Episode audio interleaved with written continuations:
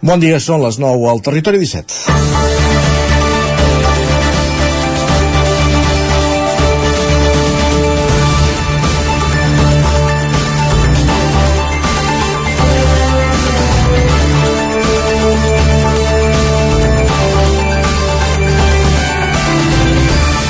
Cop recuperada la normalitat després del trasbals que va suposar la pandèmia, el Mercat del Ram de Vic ha mostrat en aquesta edició de nou la seva esplendor recuperant espais que s'havien deixat d'utilitzar en les últimes edicions.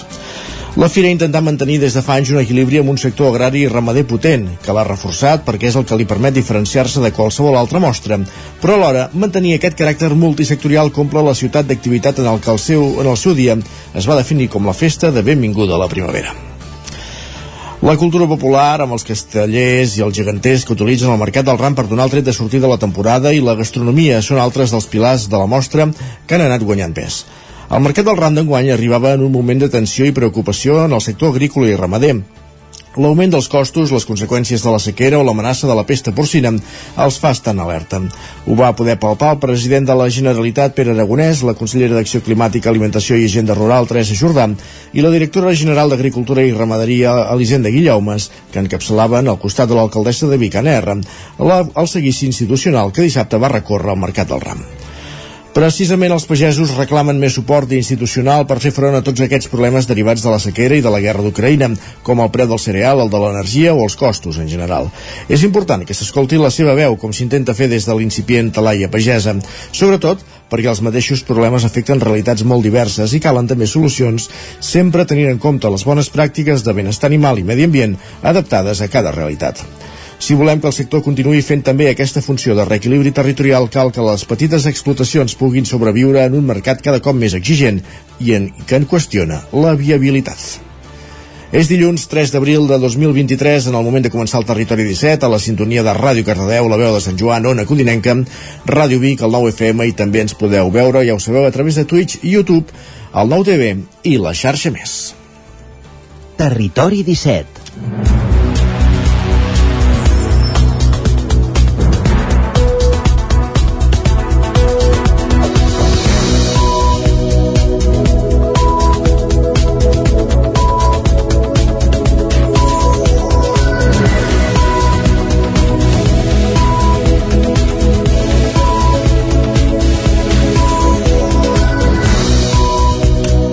Pràcticament 3 minuts els que passen de les 9 del matí en el moment de començar el Territori 17, el magazín de les comarques del Vallès Oriental, l'Osona, el Ripollès i el Moianès, que us fa companyia cada dia de dilluns a divendres entre les 9 i les 11 del matí, durant dues hores. Amb quins continguts? De quina manera? Doncs tot seguit us avancem al menú del dia d'avui dilluns, 3 d'abril de 2023, primer programa del mes d'abril, en el que dedicarem la primera mitja hora a l'actualitat de les nostres comarques. Ens posarem al dia en connexió amb les diferents emissores del territori 17. Farem un cop d'ull al cel a la previsió del temps amb en Pep Acosta des d'Ona Codinenca i també als diaris, a les portades dels diaris del dia, amb les cròniques de, del cap de setmana el viatge al quiosc el faran Sergi Vives, que ens ho portarà just abans de dos quarts de 10 del matí. A aquesta hora pujarem al tren, com cada dia, amb l'Isaac Muntades recollint les cròniques dels oferts usuaris de la línia R3, la línia Barcelona-Vic, Ripoll-Puigcerdà, i acte seguit a l'entrevista parlarem d'un festival de música que se celebra aquest cap de setmana aquest llarg cap de setmana a Cardedeu. Parlem del Labyrinth Cardedeu, el Festival de Músiques de l'Orient Mitjà i la Mediterrània, que com dèiem se celebra entre els dies 5 i 9 d'abril a Cardedeu. En parlarem en companyia d'en Pol Grau a partir de dos quarts de 10 i després els solidaris. La Laura Serrat des de Ràdio Vic avui aprofundeix amb una entitat de la comarca d'Osona, l'Associació per la Diversitat Funcional d'Osona, l'ATFO. Coneixerem els detalls i, i el seu dia a dia. Arribarem al punt de les 10 amb música, si és el cas, notícies, la previsió del temps i els esports. Repassarem com ha anat el cap de setmana esportivament parlant pels equips de les nostres comarques. A dos quarts d'onze ens endinsarem a Twitter i a la tertúlia esportiva doncs tenim molts ingredients. Els 0 Barça 4 amb debut d'un jugador ripollès, Aleix Garrido, a les files blaugrana, Girona 2, Espanyol 1, màxima intensitat en el derbi d'aquest cap d'aquest dissabte al migdia a Montilivi, el Madrid també va guanyar 6 a 0 al Valladolid l'Espanyol, que després d'aquesta derrota a Girona està pendent d'un possible canvi d'entrenador, de totes aquestes qüestions en parlarem a la tertúlia esportiva, com cada dilluns a la recta final del territori 17. Dit tot això, i ara que passen 5 minuts de les 9 del matí, ens disposem a posar-nos al dia, a repassar l'actualitat més destacada de les nostres comarques, en connexió amb les diferents emissores del territori 17 per explicar-vos, per exemple, que aquest cap de setmana el mercat del ram de Vic ha recuperat el format després de la pandèmia, un mercat en el que el sector porcí ha arribat tensionat per la falta de caps i el preu al màxim històric. Sergi Vives. La posada de llar del món agrícola i ramader, però, arriba quan el sector no està vivint el seu millor moment amb el porcí tensionat per la falta de caps i el preu al màxim històric. Al marge d'aquest fet, el mercat ha tingut 139 expositors i un dels principals atractius ha estat la mostra ramadera amb la Casa de Pagès i la mostra d'ovella ripollesa. Aquest ha sigut l'últim mercat del ram per Anna R com a alcaldessa de Vic. Dissabte, els micròfons del nou TV parlava així sobre el sector agrícola i ramader. El sector pateix, és a dir, el sector porcí ara doncs, també tindrà doncs, problemes el que té en el, en, el, en el preu. El sector lleter ja fa temps que està, diguem-ne, patint i, i ara parlàvem doncs, amb gent de, de la cooperativa fins i tot que estan buscant sortides per com poder anar mantenint doncs, tot el sector lleter. En el fons és una mica de reconeixement de visualització d'aquest sector i fins i tot en moments d'impuls, no? perquè la gent vegi doncs, la importància que té aquest sector per, per la nostra vida en general. Per altra banda, qui també va passar pels micròfons del Nou TV va ser el president de la Generalitat, Pere Aragonès. Divendres es va celebrar la cimera de l'aigua al Palau de la Generalitat entre tots els partits, excepte l'ultradreta. Aquesta va acabar sense acord i, per tant, sense respostes a l'urgència de trobar solucions per la sequera. El president justifica el principal escull per arribar a un pacte, l'aplicació de sancions als ajuntaments que no tinguin plans d'emergències o registrin més consum del que permeti l'alerta. Aquí jo vull ser molt clar si tenim una normativa s'ha de complir. I per tant, si no es compleix han d'haver-hi unes conseqüències. Hem de ser flexibles, hem de comprendre totes les situacions, hem d'acompanyar. No hi ha cap voluntat recaptatòria amb les sancions sinó que el que hi ha és una voluntat de garantir que la llei es compleix. Perquè si no, a tots els sectors que estan fent un esforç, per exemple el sector ramader, estaríem donant un pèssim missatge. És a dir, vosaltres restringiu el consum d'aigua reduïu encara més i, escolti'm, si algú incompleix no li passa res. No, no, si algú incompleix, el que hem de fer és contribuir a corregir-ho. I, per tant, el règim sancionador va en aquesta línia, no és cap voluntat de perseguir, a Catalunya només el 2% de la població es dedica a fer de pagès. Cada cop hi ha menys pagesos i, per tant, el contacte que pot tenir la societat amb, aquest, mm, amb tot aquest món és cada vegada més baix. Amb la voluntat de trencar aquesta desconnexió va néixer la Casa de Pagès, un dels grans atractius de la fira, per tal d'explicar en què consisteix fer de pagès o ramader i donar valor a l'origen dels aliments que arriben a la taula. Més qüestions, el Consorci Hospitalari de Vic, juntament amb la Fundació Hospital de la Santa Creu i els Serveis Auxiliars de la Sanitat, presenten el, el, a Vic el model 6. Explica'ns quin és aquest model, Sergi. Doncs el model 6 és un pla que té sis eixos estratègics, entre els quals oferir una atenció integral a les persones i als seus entorns, atraure professionals i ser un motor de la comarca tant en termes econòmics com pel que fa al coneixement i vida social i cultural. El pla s'ha treballat de manera participativa durant mesos. La gerent de la, re, de la regió sanitària de la Catalunya Central, Alba Oms, insisteix en la importància de treballar amb aliances. És moment d'aliances, moltes aliances, perquè el repte és gran, i anar a la una, que és el que hem d'aconseguir, perquè al fi al cap el que volem és moure'ns dintre del sistema sense saber si és el Consorci Hospitalari de Vic, si és l'ICS, si és uh, Osonament el qui t'acaba tenint o una entitat de, de, una entitat social. Unes aliances que per Anna R, alcaldessa de Vic i presidenta de la Fundació Hospital de la Santa Creu, són del tot positives per la ciutat i el territori. I d'aquí la clau de que fa un any també vam fer aquesta suma, aquesta suma amb el Consorci Hospitalari de Vic, aquesta associació, perquè sempre tenim clar que la suma multiplica. I aquesta força, aquesta força de la suma, sabem que tots plegats amb aquesta integració doncs, entre eh, el Santa Creu i el que és el Consorci Hospitalari de Vic, els que guanyaria és la ciutat, el territori i, evidentment, totes les persones que en faríem, que en faríem ús. L'encarregat de presentar aquest acte va ser el tonenc Jordi Pota, que lluny dels convencionalismes va fer un espectacle de màgia de gairebé una hora. En total hi van assistir més de 200 professionals de la salut, pacients i usuaris.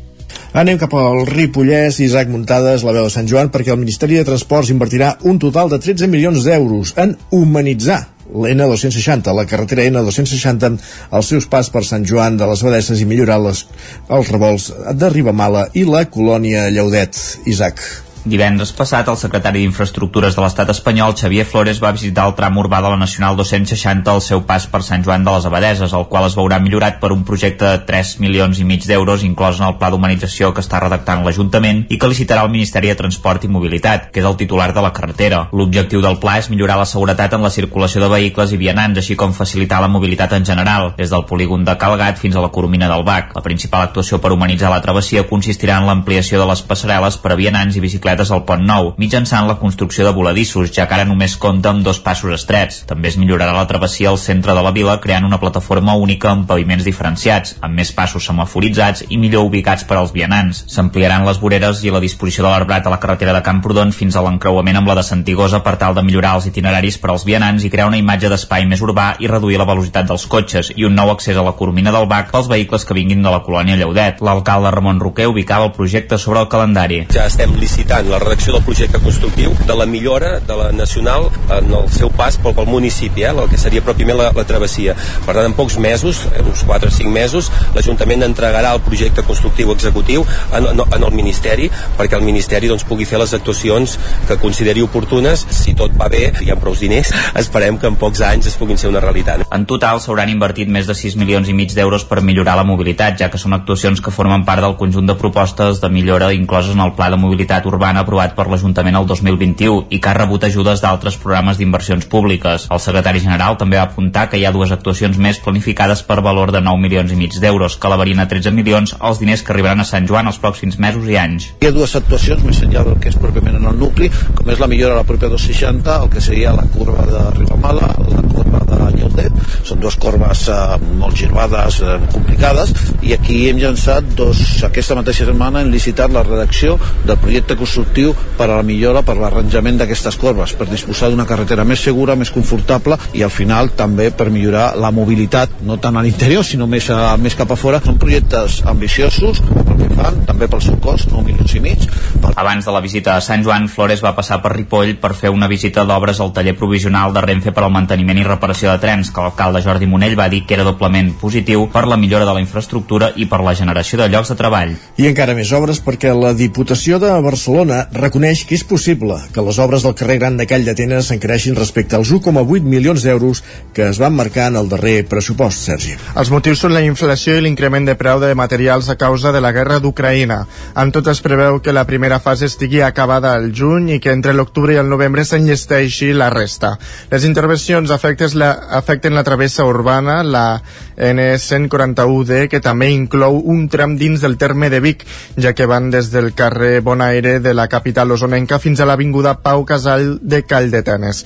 L'objectiu és transformar aquest tram per on abans de fer la variant circulaven cada dia uns 4.000 vehicles. De la inversió total, la Diputació en financia un 22%, Calldetenes un 54,5% i Vic un 12%. Més qüestions, una avaria deixa el Parc dels Bombers de Granollers 11 dies sense camió autoescala. Pol Grau, Ràdio Televisió Cardedeu. Una avaria greu a la direcció del camió autoescala automàtica ha deixat el Parc de Bombers de Granollers sense la dotació d'aquest tipus de vehicle durant almenys 11 dies. Dilluns de la setmana passada es va portar el camió al taller després de detectar la incidència. A més, el camió autoescala va patir un accident de camí al taller de Sabadell. Va passar mentre circulava per l'AP7. Segons fons de la UGT, va fallar la direcció del vehicle i va estar a punt d'impactar amb un tràiler que circulava pel carril del costat i es va posar en risc la resta d'usuaris. Des d'aleshores i fins dijous passat, no s'ha rebut cap vehicle per substituir-lo i la cobertura dels serveis que requereixen la mobilització de l'autoscala s'ha fet principalment amb un vehicle d'aquest tipus que hi ha al Parc de Bombers de Mataró. Això ha allargat el temps de resposta de l'autoscala en les intervencions als 18 municipis del Vallès Oriental on el Parc de Granollers cobreix la primera sortida. Si l'autoscala de Mataró està en un servei, s'han de mobilitzar les de Sabadell, Terrassa o fins i tot Vic. Al Vallès Oriental, ni el Parc de Mollet ni els de Celoni tenen dotació d'autoscala. El candidat en Comú Podem a l'alcaldia de Vic, Arnau Martí, situa la seva formació com la garantia d'un govern d'esquerres alternatiu al de Junts per Catalunya després de les eleccions municipals del 28 de maig. A hores d'ara, en Comú Podem no té representació a l'Ajuntament. Sergi Vives. Martí, però, també ha obert un cos a cos amb el PSC, afirmant que la prioritat d'aquest grup seria un govern sociovergent, seguint, diu, el que hi ha actualment a la Diputació de Barcelona. Martí ho afirmava en una compareixença davant dels mitjans divendres al costat del diputat i portaveu d'en Comú Podem al Congrés, Jaume Asens. De que Partit Socialista tingui eh, un suport a l'Ajuntament i pugui donar una majoria, ho farà per, eh, en aquest cas per mantenir l'estatus quo i mantenir la sociovergència. Per tant, necessitem que hi hagi un canvi de debò i que per tant que l'única garantia d'esquerres, d'un govern plural d'esquerres, sigui la d'en Comú Podem.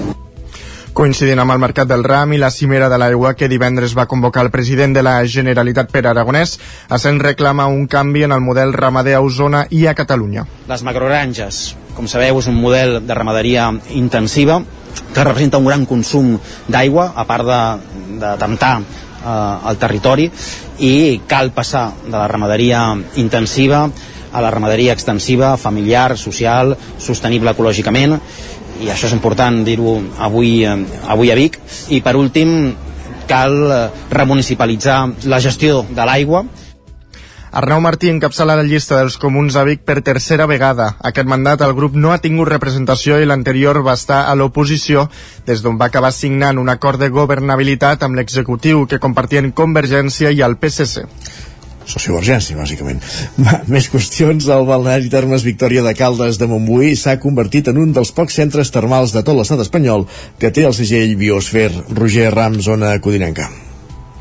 Sí, el balneari Termes Victòria de Caldes ha aconseguit enguany la certificació Biosphere Responsible Tourism, que acredita la responsabilitat ambiental i les bones pràctiques en la gestió sostenible al sector turístic que entrega l'Institut de Turisme responsable a nivell de tot l'Estat. Des del balneari Termes Victòria han realitzat diverses actuacions en matèria de sostenibilitat, com ara dotar-lo de plaques fotovoltaiques o fomentar el reciclatge. El seu director general, Joan Anglí, explica que la sostenibilitat sempre ha estat present en el cas del Termes Victòria.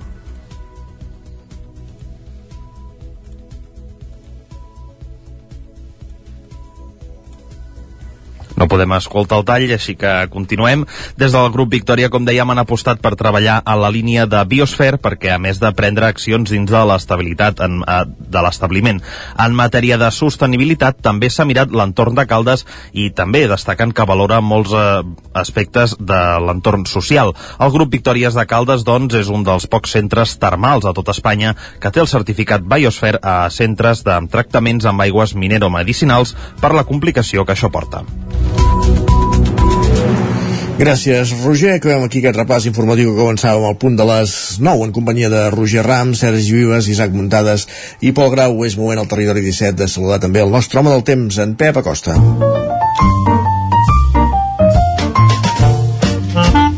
Casa Terradellos us ofereix el temps. Per tant, volem saber com evolucionarà meteorològicament la setmana després d'un cap de setmana en què va haver-hi algun petit ruixat. Pep Acosta, benvingut, bon dia. Molt bon dia. Per fi som dilluns, per fi comença una nova setmana, la primera sencera del mes d'abril, ja en plena Setmana Santa, segur que molta gent de vacances, molta gent a punt de, de començar-les, i també molta gent que no en fa. Uh, per tant, hi ha de tot, com sempre, i aquesta informació meteorològica és per tothom com no pot ser d'una altra manera. Cap de setmana eh, que per fi hem normalitzat les temperatures, eh, hi ha un gran contrast entre el dia i la nit aquests dies, eh, les màximes, eh, entre els 20 i els 22 graus, moltes temperatures màximes, entre els 20 i 22 graus més o menys, però les mínimes són fredes. Eh, hi ha fins i tot glaçades cap al Pirineu i cap a l'interior moltes, moltes mínimes entre el 0 i els 5 graus. Eh? Per tant, fa un bon fred, fa unes temperatures eh, força, força fredes de nit i de dia eh, són eh, suaus, eh? són unes temperatures eh, bastant, bastant normals per l'època de l'any. Per fi, eh, aquesta normalització i per fi ja no tenim aquestes calors que teníem els dies eh, passats, els anys passat vam tenir eh, molta, molta calor. Per fi eh, es van normalitzar la temperatura i això és bona notícia.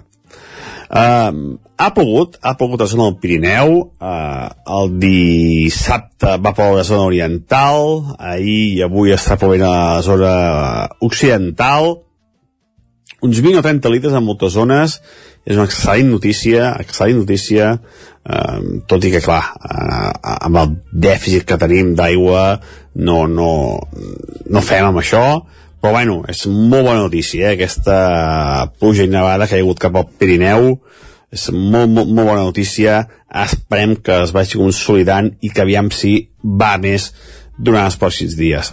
Però avui eh, no anirà més aquesta precipitació, avui mm, no tindrem grans pluges, però sí que és el temps una mica insegur. Aquest matí forces núvols, eh, sobretot cap, també cap a l'interior, cap al Pirineu, peritoral menys, i de cara a la tarda creixeran nuvolades i pot deixar alguna precipitació cap a la zona del Montseny, Guilleries i Coissa Cabra. Uh, seran ruixats febles, molt poca cosa, però que sí que es poden presentar. Uh, però veurem, veurem... Hi ha una possibilitat petita, esperem que siguin ruixats una mica intensos i extensos, tot i que no, no pinta gaire així la cosa, esperem que serim que s'animin una mica més. Les temperatures màximes molt semblants a les d'ahir, la majoria entre els 18 i els 22 eh, graus de màxima. Um, els vents afluixaran, hem tingut un vents forts de, de nord aquest cap de setmana, sobretot en el Pirineu, Puigdesolles, eh, la transversal, aquests cims més alts, hem tingut vent de nord, que avui els vents afluixaran i no seran tan, tan destacables. I això és tot, a disfrutar el dia d'avui, un dia de, de sol i núvols al matí i a la tarda creixent de que esperem que deixin alguna precipitació, sobretot cap a zona del Montseny i zones pròximes. Moltes gràcies, bon dia. Gràcies a tu, esperem que així sigui, Pep. Fins ara, bon dia. Casa Tarradellas us ha ofert aquest espai.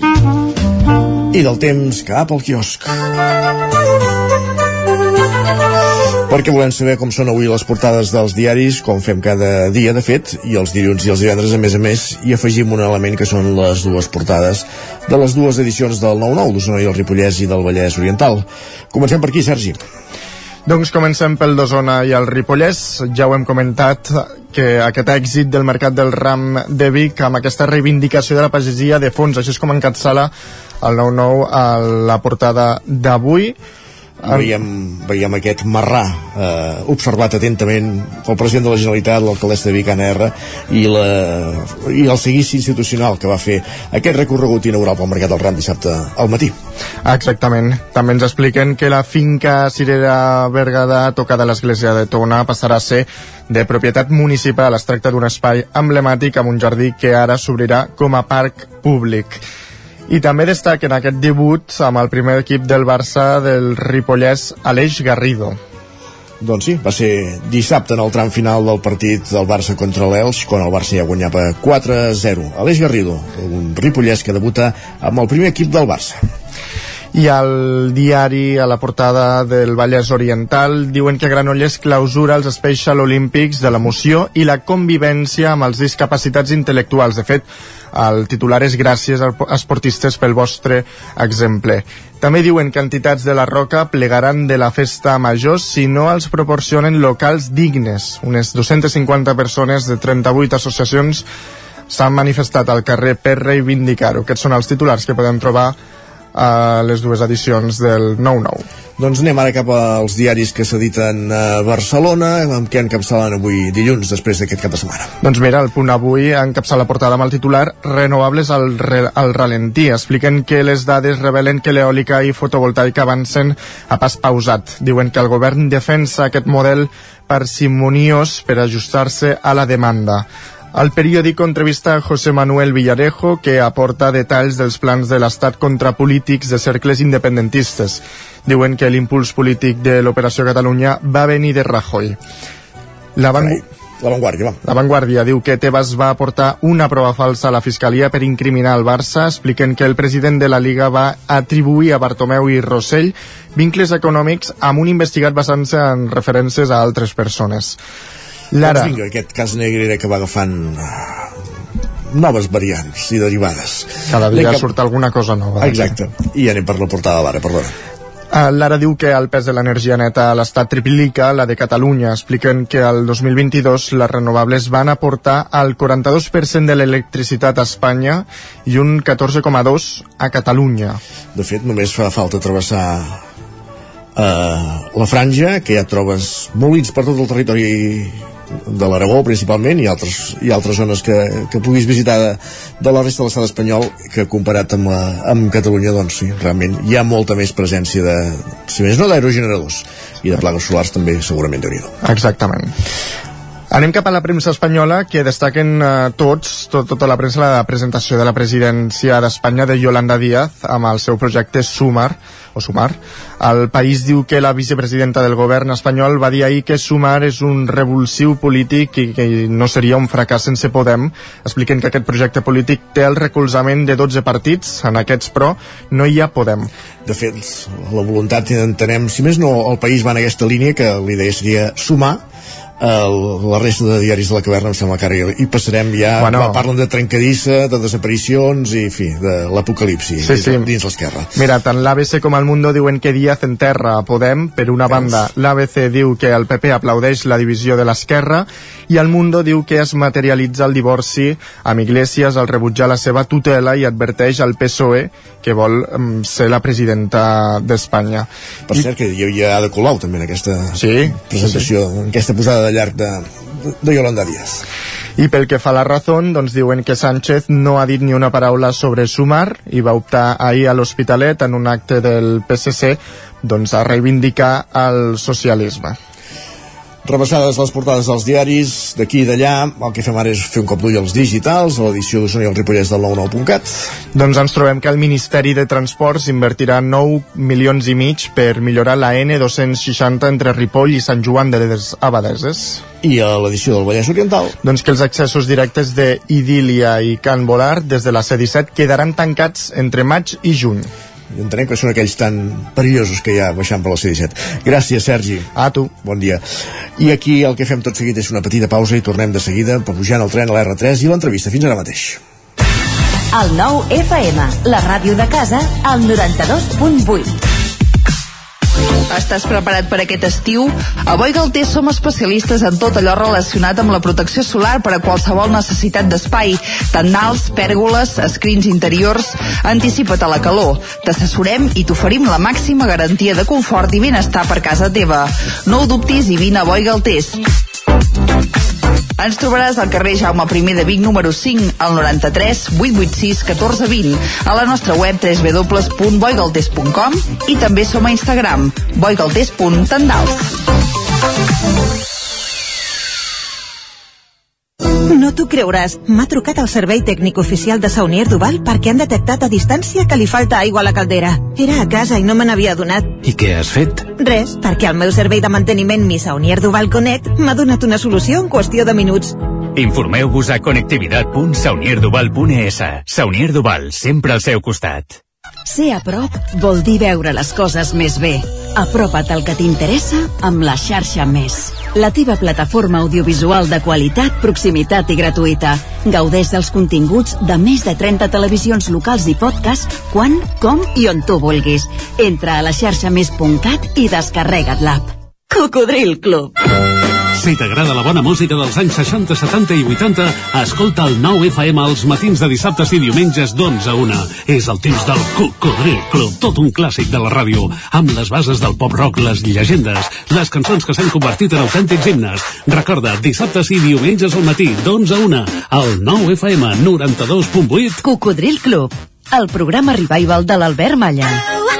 Hasta luego, cocodrilo. Bon dia, són les 9 al Territori 17. La Miquel Parella, Cada matí i durant dues hores t'acompanyem i et posem al dia de l'actualitat de casa nostra. Potenciant així l'autonomia En aquest cas me la peça el si no... Per feminitzar el pensament masculí.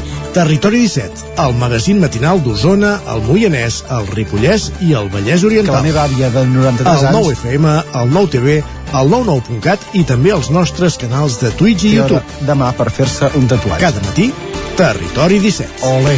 Anuncia't al 9FM. La ràdio de casa. 9 3 8 8 9 4 9 4 9. Publicitat arroba al 9FM.cat. Anuncia't al 9FM.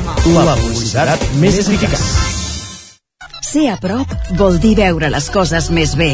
Apropa't al que t'interessa amb la xarxa Més. La teva plataforma audiovisual de qualitat, proximitat i gratuïta.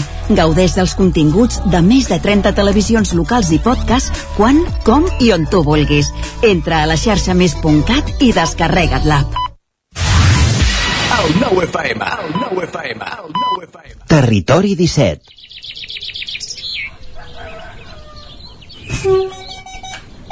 A Tren d'Alba. Cada dia els usuaris i usuàries de la línia R3 de Rodalies que veuen sortir el sol des d'un vagó ens expliquen les gràcies i les penes del primer comboi que uneix Ripoll i Barcelona o les feixugues jornades amb el tren després de treballar.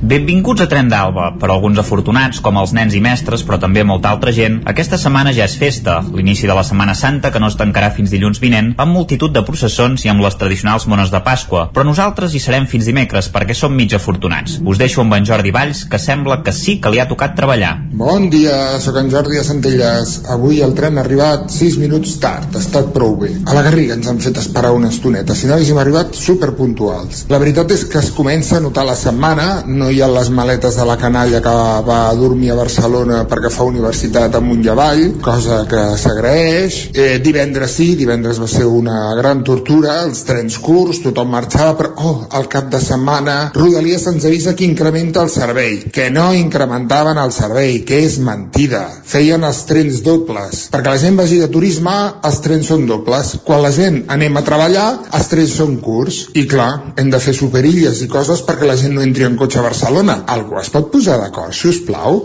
Sembla, eh, no sé, a vegades penso en aquells micos del Simpson que van com bojos fent el tonto.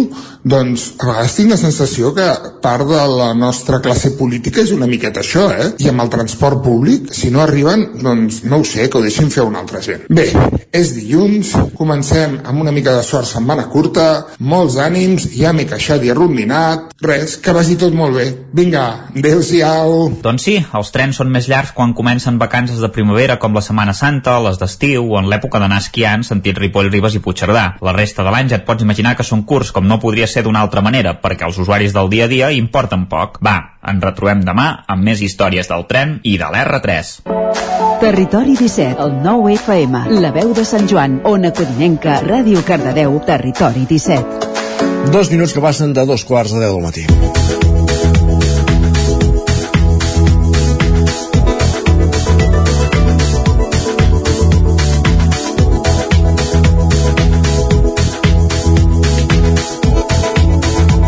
Amb l'arribada de Setmana Santa, a Cardeu arriba la vuitena edició del Festival de Música de l'Orient Mitjà i del Mediterrani, l'Abrin Catalunya. Amb diferents tallers, seminaris i concerts, s'omplirà Cardedeu aquesta setmana de músics arreu del món. Avui ens acompanya, al costat d'en Pol Grau de Ràdio Televisió Cardedeu, en Cristos Barbes, músic i president de l'Associació de Catalunya del Festival. Abans, com dèiem, però, saludem en Pol Grau, que ja ens espera als estudis de Ràdio Televisió Cardedeu. Pol, benvinguts, bon dia. Bon dia, Isaac, bon dilluns. Bon dilluns. Comencem aquesta doncs setmana sí, curta, ara... que Cardedeu està marcada curta, per aquest però festival, intens. eh? Ara.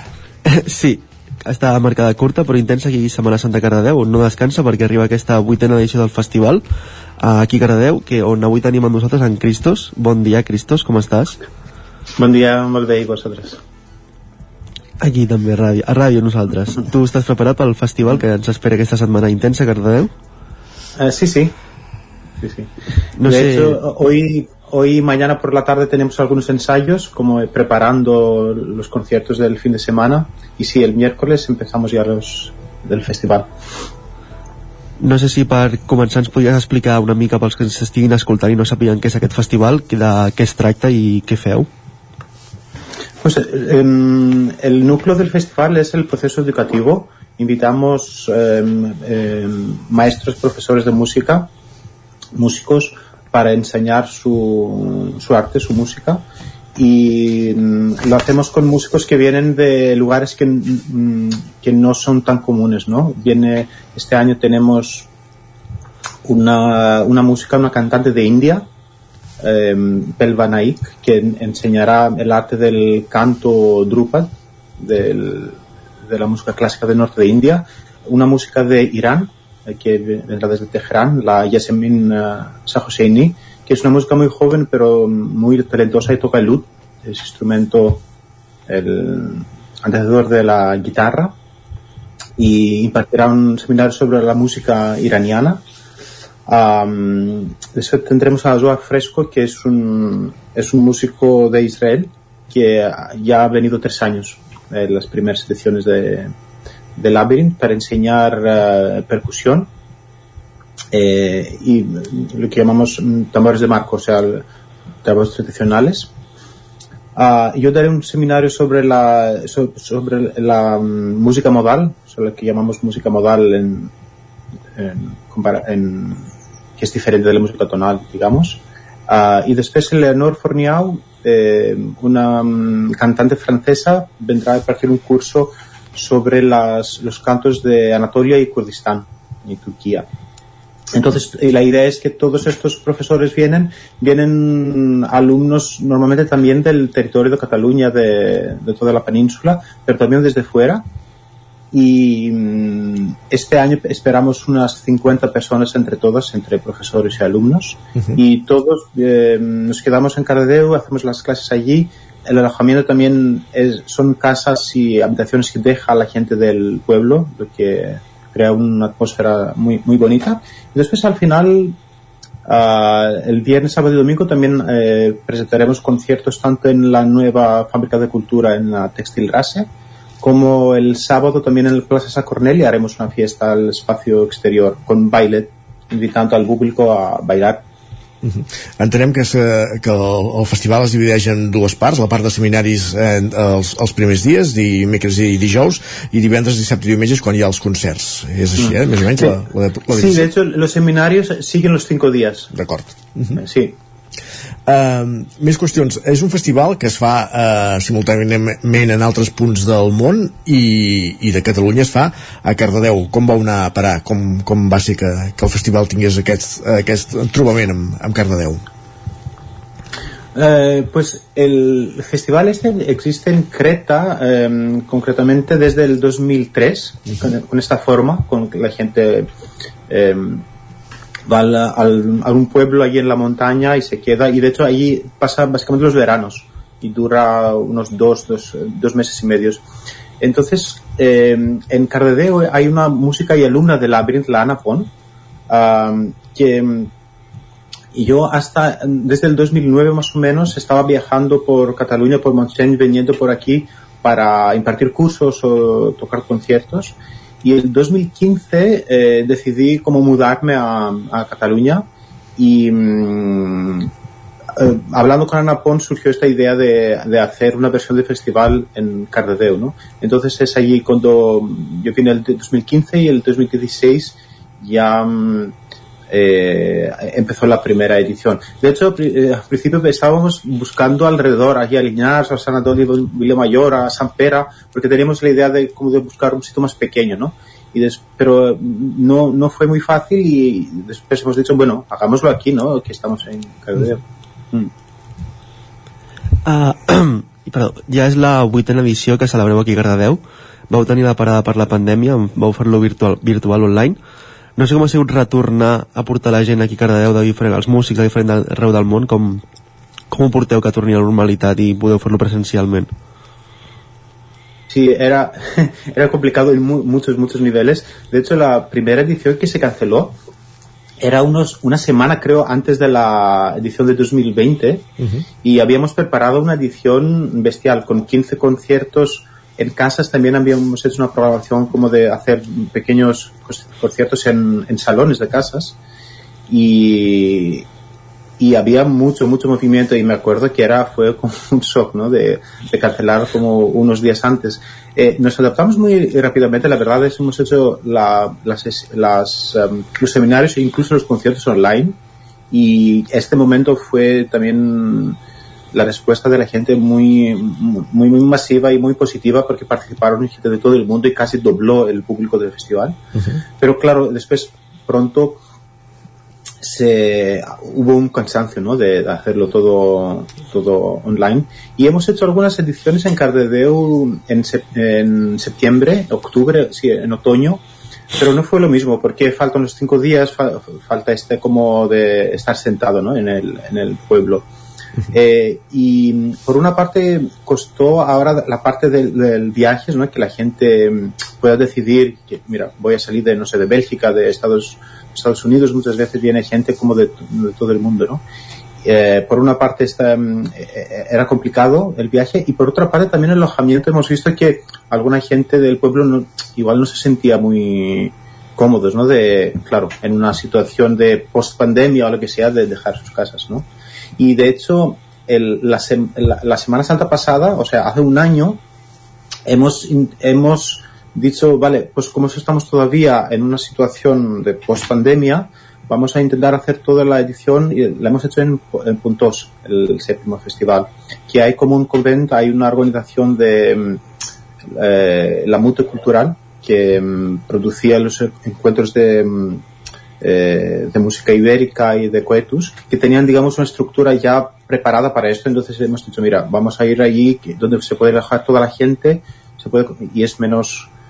Pero, mm, eh, eh, pero este año hemos dicho, mira, vamos a volver al pueblo donde, digamos, nació el festival y mm, entonces eh, está yendo bien y ya veremos, pero eh, el, digamos, el feeling es positivo. Veient, aquí estàs al programa, veiem un concert dissabte al vespre de l'Orquestra Mediterrània de, de Cardedeu. Mm. D'on sorgeix aquesta orquestra? No sé si també té llaços amb el, amb el festival, com, com va tot plegat.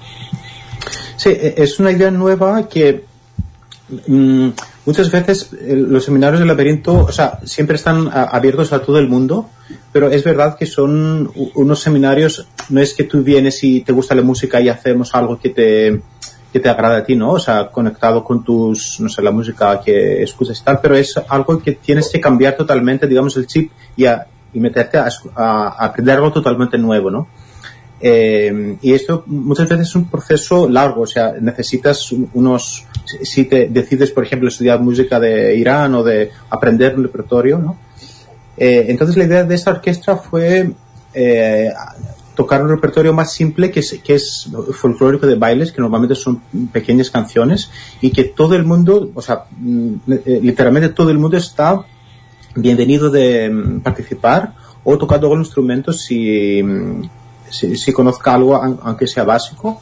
Hay un poco la filosofía de integrar a la gente y pueda participar en esta orquesta, o cantando, o bailando. Entonces es algo como que eh, cada uno puede hacer. Entonces la respuesta también a esto fue muy, muy positiva. Hubo más que 30, 40 personas que apuntaron. Y contamos con el grupo Pas al Pas, que es un grupo de granollers que enseñan y practican bailes de- del mundo, más básicamente del Mediterráneo y de, ah, del Balcanes.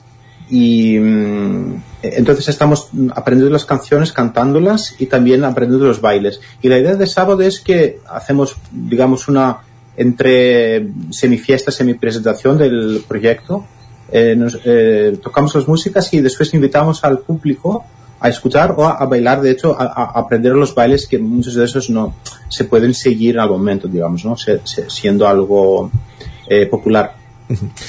Doncs aquest cap de setmana, entre els dies 5 i 9 d'abril, Cardedeu acull la vuitena edició de l'Abrin Catalunya, aquest festival de músiques de l'Orient Mitjà i de la Mediterrània. N'hem parlat amb Cristos Barbes, músic i president de l'associació a Catalunya de, del festival de, qui ho organitza. Cristos, moltíssimes gràcies i que vagi molt bé aquests 5 dies de festival.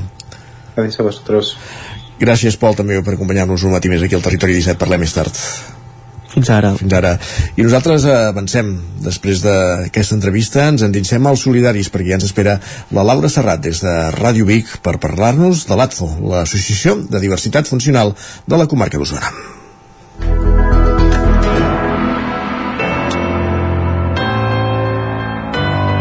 Territori, Territori 17. 17. Territori 17.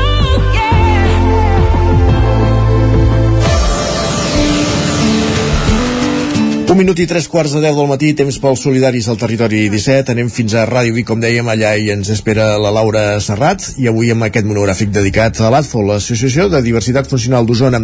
Laura, benvinguda una setmana més, bon dia. El teixit solidari d'Osona és envejable i s'estén arreu del nostre territori de diverses formes, tal com hem descobert en els darrers programes. des d'entitats que vetllen per als desfavorits i fins a organitzacions que donen eines i formació a qui més els fa falta, passant per entitats que miren més enllà de les fronteres i d'altres que se centren en la col·laboració local de les nostres ciutats. Avui, des de Ràdio Vic i a través de l'antena del Territori 17, coneixerem un dels noms propis més destacats d'Osona. Es tracta de l'Associació Diversitat Funcional d'Osona, coneguda per tothom com a ATFO, una de les grans referents en el que respecta a l'ajuda a les persones amb diversitat funcional a la comarca. Potenciar la igualtat d'oportunitats, treballar per a la integració universal en els diferents àmbits socials o oferir acompanyament personal són algunes de les iniciatives que tiren endavant dia a dia.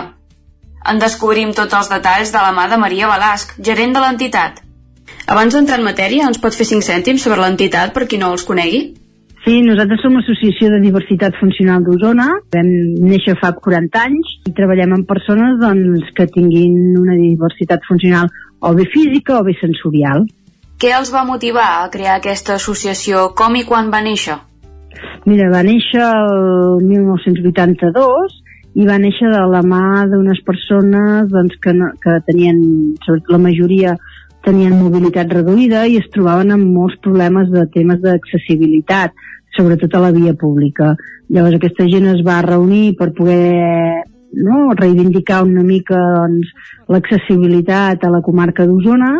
Eren gent voluntària, gent que usuaris, llavors bueno, a poc a poc se'ls anava demanant més coses, llavors va venir una treballadora social que els donava un cop de mà d'una manera voluntària també per poder donar resposta a les coses que ells no sabien i mica mica es va anar professionalitzant l'entitat fins, a, fins a dia d'avui.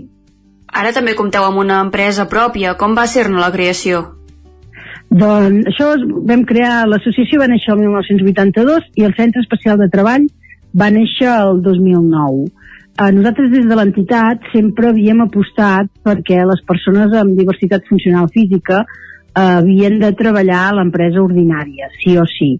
El que passa que amb el temps ens vam adonar que hi havia un col·lectiu que potser entrar directament a l'empresa ordinària doncs no, no els era tan fàcil, sinó que havien de passar per una empresa protegida per poder tornar a agafar els, els hàbits per, per tornar a treballar. Llavors va ser quan nosaltres vam crear l'empresa el 2009. Fem un repàs de com està la seva situació. Com han viscut aquests darrers anys en l'entitat amb el Covid? Bé, el eh, Covid ens ha tocat com ha tocat a tothom. Ha tingut coses molt negatives i també ha tingut coses positives. Eh?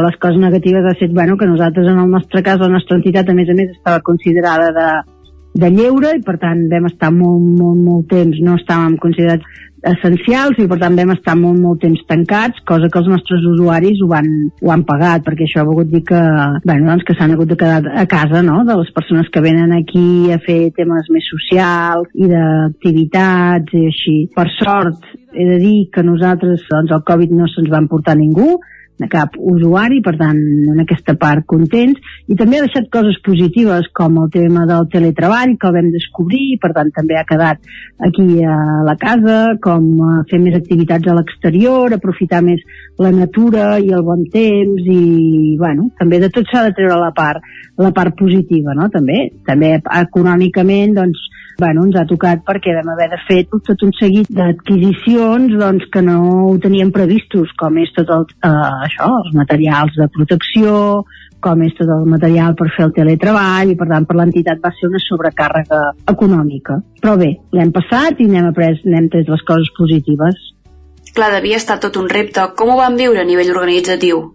Bàsicament ho vam, ho vam passar tot online, totes les activitats que podíem les fèiem online. Evidentment no és el mateix, eh, online que presencial, però si més no sabíem que cada dia doncs, teníem una activitat i la gent es podia connectar a aquella activitat i era aquella estoneta que servia per veure'ns i socialitzar-nos. Nosaltres també en aquell moment vam posar a l'abast de tota la gent de la comarca d'Osona, encara que no fossin persones amb diversitat funcional, eh, vam posar a l'abast els nostres tècnics. Aquí a la casa doncs, teníem psicòlegs, teníem eh, educadors, treballadors socials, terapeutes, que qui volia podia trucar si tenia la necessitat i nosaltres, tant com podíem, els hi donàvem un, un cop de mà.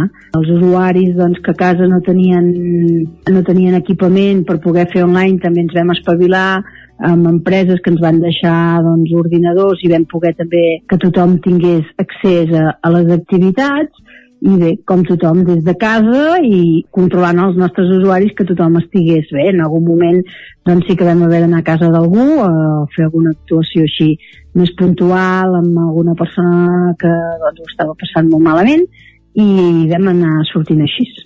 Ens pot parlar de quins projectes tenen en marxa actualment? Quins serveis ofereixen? Doncs mira, des de l'entitat, des de l'associació, el que fem nosaltres és atenció a la vida independent, a dins aquest aquesta àrea doncs hi ha des de les activitats així més socials i terapèutiques. Aquí fem des de català, eh, informàtica, pintura, rehabilitació aquàtica, ioga, cuina, activa la ment, eh, hi ha moltes, moltes activitats durant tota la setmana. També fem sortides, als caps d'algun cap de setmana, fem una sortida a l'estiu de la platja i també anem al teatre o al cine, activitats així més de lleure. Llavors també tenim el servei de treball social, que el que fa és ajudar les persones amb tot el que són tràmits, tràmits més burocràtics pel seu dia de tramitació de certificats, ajudes, pensions, el que faci falta. També tenim el servei de teràpia ocupacional, que ajuda a fer la vida més accessible, ja sigui a casa, al cotxe, a la feina, on sigui a les persones també tenim el servei de psicologia, també tenim un servei de psicologia, fisioteràpia i terapeuta ocupacional, que les persones sòcies de l'entitat ho poden utilitzar a un preu més, més mòdic. Llavors també tenim unes habitacions a l'Albert Canonja Collell que serveixen unes habitacions totalment accessibles, que serveixen per fer operacions respir o per fer entrenaments de la vida diària o si algú han de fer accessible a casa seva mentre hi ha les obres, doncs poder anar allà. O sigui, és una mica també en cas de, en cas d'urgència aquestes dues, aquestes dues habitacions i dins ara dins, tenim un projecte innovador que és dins, el, dins aquesta àrea que és un projecte que és de Movity, que és de telerehabilitació per, ara mateix per persones que hagin patit un ictus, més endavant es podrà ampliar amb altres diversitats, que és que tothom pugui fer exercicis de rehabilitació des de casa a través de l'ordinador, però uns exercicis personalitzats per cada persona. Aquest projecte innovador, doncs, eh, de moment estem en procés d'assaig, d'assaig clínic, l'estem fent amb la UPC, i bueno, ja ens ha portat diferents premis i reconeixements, doncs estem molt contents, no?, aquesta part d'apostar per la innovació. Després tenim el servei d'inserció laboral, que el servei d'inserció laboral el que fa és això, és buscar feina per persones que tenen el certificat, buscar feina a les empreses. La gent ve aquí, se'ls fa un seguiment, nosaltres tenim contactes amb gairebé totes les empreses de la comarca d'Osona i el que fem és inserir, buscar la millor, el millor lloc a la persona i fer insercions. Això també vol dir que paral·lelament també fan formació, fan temes de reciclatge perquè la gent es vagi adaptant a la nova, a la nova situació, no?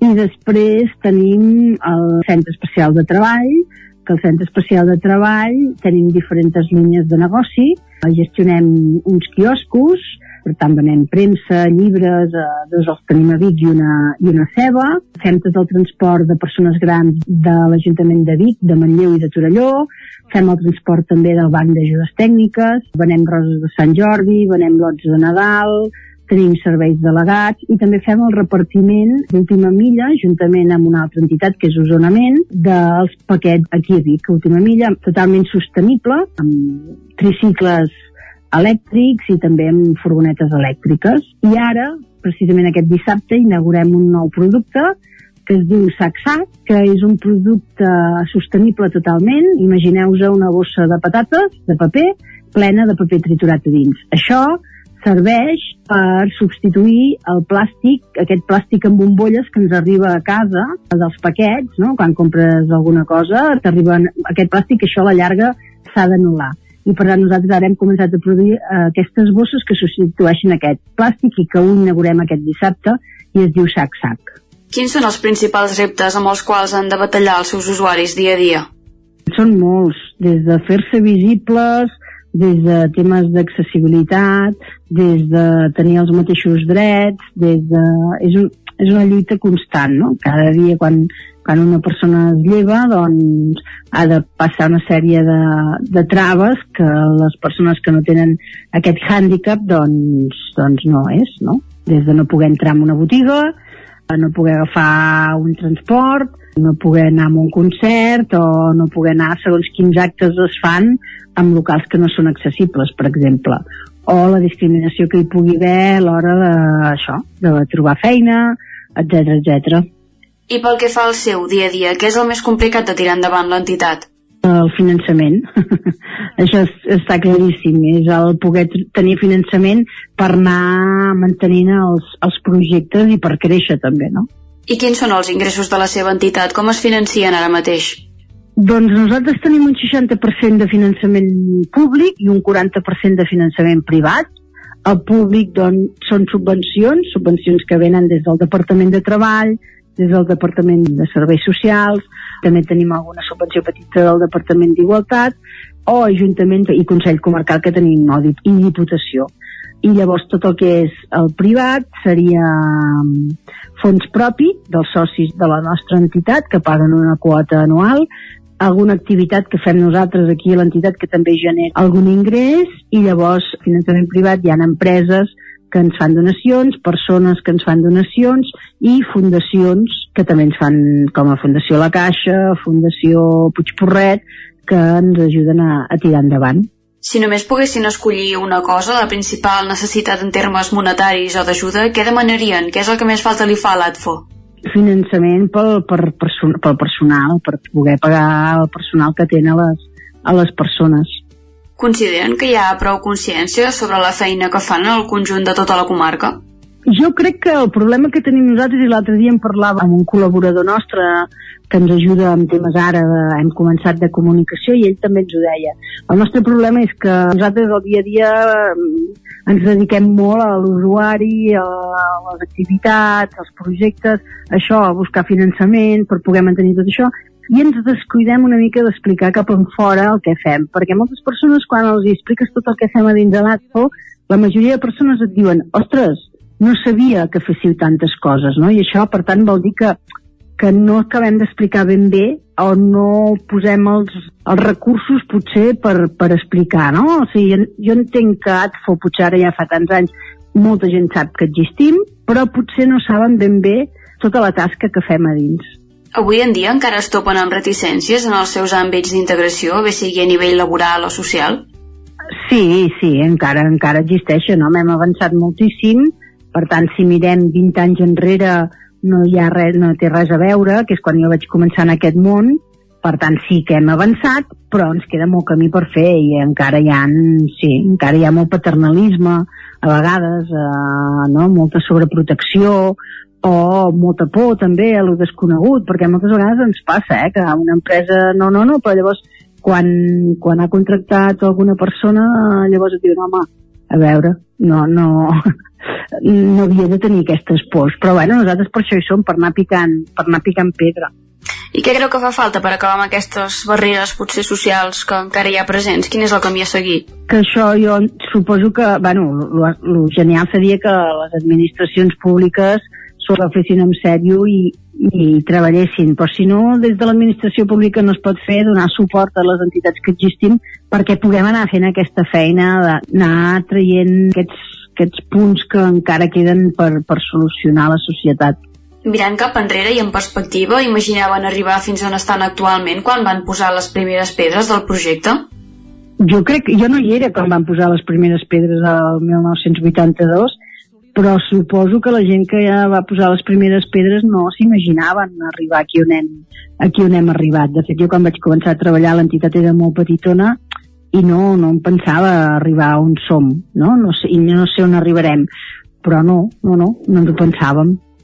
I si analitzem la societat en el moment en el qual vau arribar i en el moment en què es troba actualment, creieu que ha canviat o que heu ajudat a canviar-la? Sí, sí que ha canviat, sí que ha canviat. Mira, només t'explicaré un exemple. Per exemple, fa, quan jo vaig començar, eh, quan tu estudiaves arquitectura, arquitectes, que són les persones no? que han de fer les construccions, l'assignatura d'accessibilitat era una optativa. O sigui, tu podies fer-la o no fer-la. i tu podies ser arquitecte i no haver fet mai cap, cap tema d'accessibilitat. A dia d'avui aquesta assignatura és obligatòria i per tant tots els arquitectes que surten el tema accessibilitat l'han de tenir sí o sí. Hi ha lleis que també ens ajuden, tant en temes d'accessibilitat com en temes laborals, per tant tot això ens ha ajudat. Ho hem aconseguit? No, encara no. Estem, estem aquí, encara... Jo sempre dic que nosaltres a l'ATFO treballem per desaparèixer. Nosaltres, el nostre objectiu és que l'ATFO no existeixi. Per què? Perquè voldrà dir que la societat no necessita una entitat com la nostra perquè s'ha normalitzat tot, s'ha normalitzat el tema laboral, s'ha normalitzat el tema d'accessibilitat, s'ha normalitzat tot això. De moment existim, per tant, de moment encara, encara hi som. I per acabar, mirant el més enllà possible cap al futur, quin seria el futur ideal que s'imaginen per la seva entitat? No existir, és així. No existir.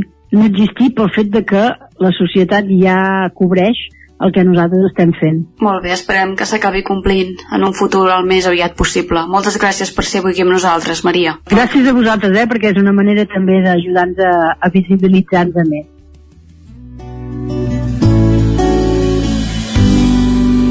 Doncs fins aquí els solidaris, gràcies també a Laura, Laura Serrat des de Ràdio Vic, ara passa un minut de les 10, ens actualitzem al Territori 17. Territori 17.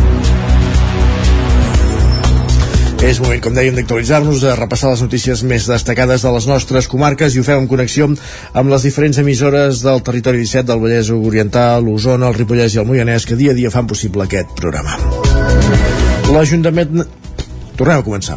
L'Ajuntament de Torelló i el Departament de Salut acorden que la futura ampliació del CAP de Torelló també inclogui nous serveis com els d'atenció intermediària, adreçada a persones grans o malalts crònics. Sergi Vives. Aquesta redefinició del model de la futura ampliació del CAP es va fer la setmana passada en una trobada entre l'alcalde Marcel Ortuño i el conseller Man Marcel Balcell. Marcel, um, Manel Barcells. Manel Balcells, ah, això mateix. Tot plegat van acordar que l'àrea bàsica de salut de la Vall del Gès, a banda de créixer en metres quadrats, també inclogui serveis d'atenció intermèdia. Marcel Ortuño. La pandèmia eh, ha, ha influït molt també en la transformació del projecte perquè primer parlàvem d'una simple ampliació de, del CAP i llavors el que hem acabat parlant i lligant és el fet de no tan sols créixer en metres quadrats i, i professionals i equipament sinó replantejar el CAP i fer que ja sigui un equipament de referència amb tot el que és el tema de la salut comunitària, o sigui la salut entesa més enllà de l'estrictament sanitari L'edifici creixerà com estava previst per la zona on actualment hi ha aparcaments. El consistori està tancant la sessió dels terrenys després d'alguns entrebancs, com el fet que les dades del registre, les de cadastre i les reals, no coincidien. Des del govern diuen que han treballat en el projecte des de principis de mandat. Des del grup municipal del PSC també s'atribueixen part del mèrit, ja que van presentar una moció el 2021 i a través del seu grup parlamentari es va aprovar una resolució al Parlament. Ho explica una de les seves membres és Roser Roma. Es va acordar que durant el 2023 hi hauria el projecte d'ampliació del CAP i es dotaria, i es dotaria de eh, professionals sanitaris. Nosaltres hi hem insistit molt, vam presentar la moció. Jo crec que no havien acabat de fer tots els passos o havien anat molt lents. Nosaltres, per la nostra part, estem molt contents perquè per fi hem arribat allà on volíem arribar un cop cedit el terreny, la previsió és que l'ampliació del cap de Torelló sigui una realitat d'aquí a dos anys. Anem cap al Vallès Oriental perquè Canovelles instal·larà 30 càmeres de vídeo... 30 càmeres de videovigilància en els carrers d'accés al poble. Pol Grau, Ràdio i Televisió Cardedeu. L'Ajuntament de Canovelles instal·larà 30 càmeres de videovigilància, la majoria amb lectors de matrícula, que serviran per controlar els accessos i altres punts del municipi. L'objectiu de l'actuació és la millora de la seguretat ciutadana del poble. El projecte per a la instal·lació de les càmeres s'ha aprovat en el ple municipal d'aquest dijous al vespre. La proposta preveu una inversió de 270.000 euros. El consistori preveu iniciar el procés administratiu per contactar una empresa que subministri les càmeres i faci la instal·lació necessària durant la tardor. La implementació del sistema es preveu fer-la a l'inici de l'any vinent. La majoria de les càmeres càmeres que s'instal·laran estaran dotades amb un sistema de lectura de matrícules dels vehicles. Aquest sistema permetrà rebre avisos al moment de la presència de vehicles que estan considerats d'interès tant per la policia local com pels Mossos d'Esquadra, que periòdicament comparteixen amb les policies locals llistes de vehicles que, per exemple, se sospita que estan participant en robatoris o altres fets delictius. A més, les càmeres també permetran fer recerques i facilitaran les investigacions de fets delictius.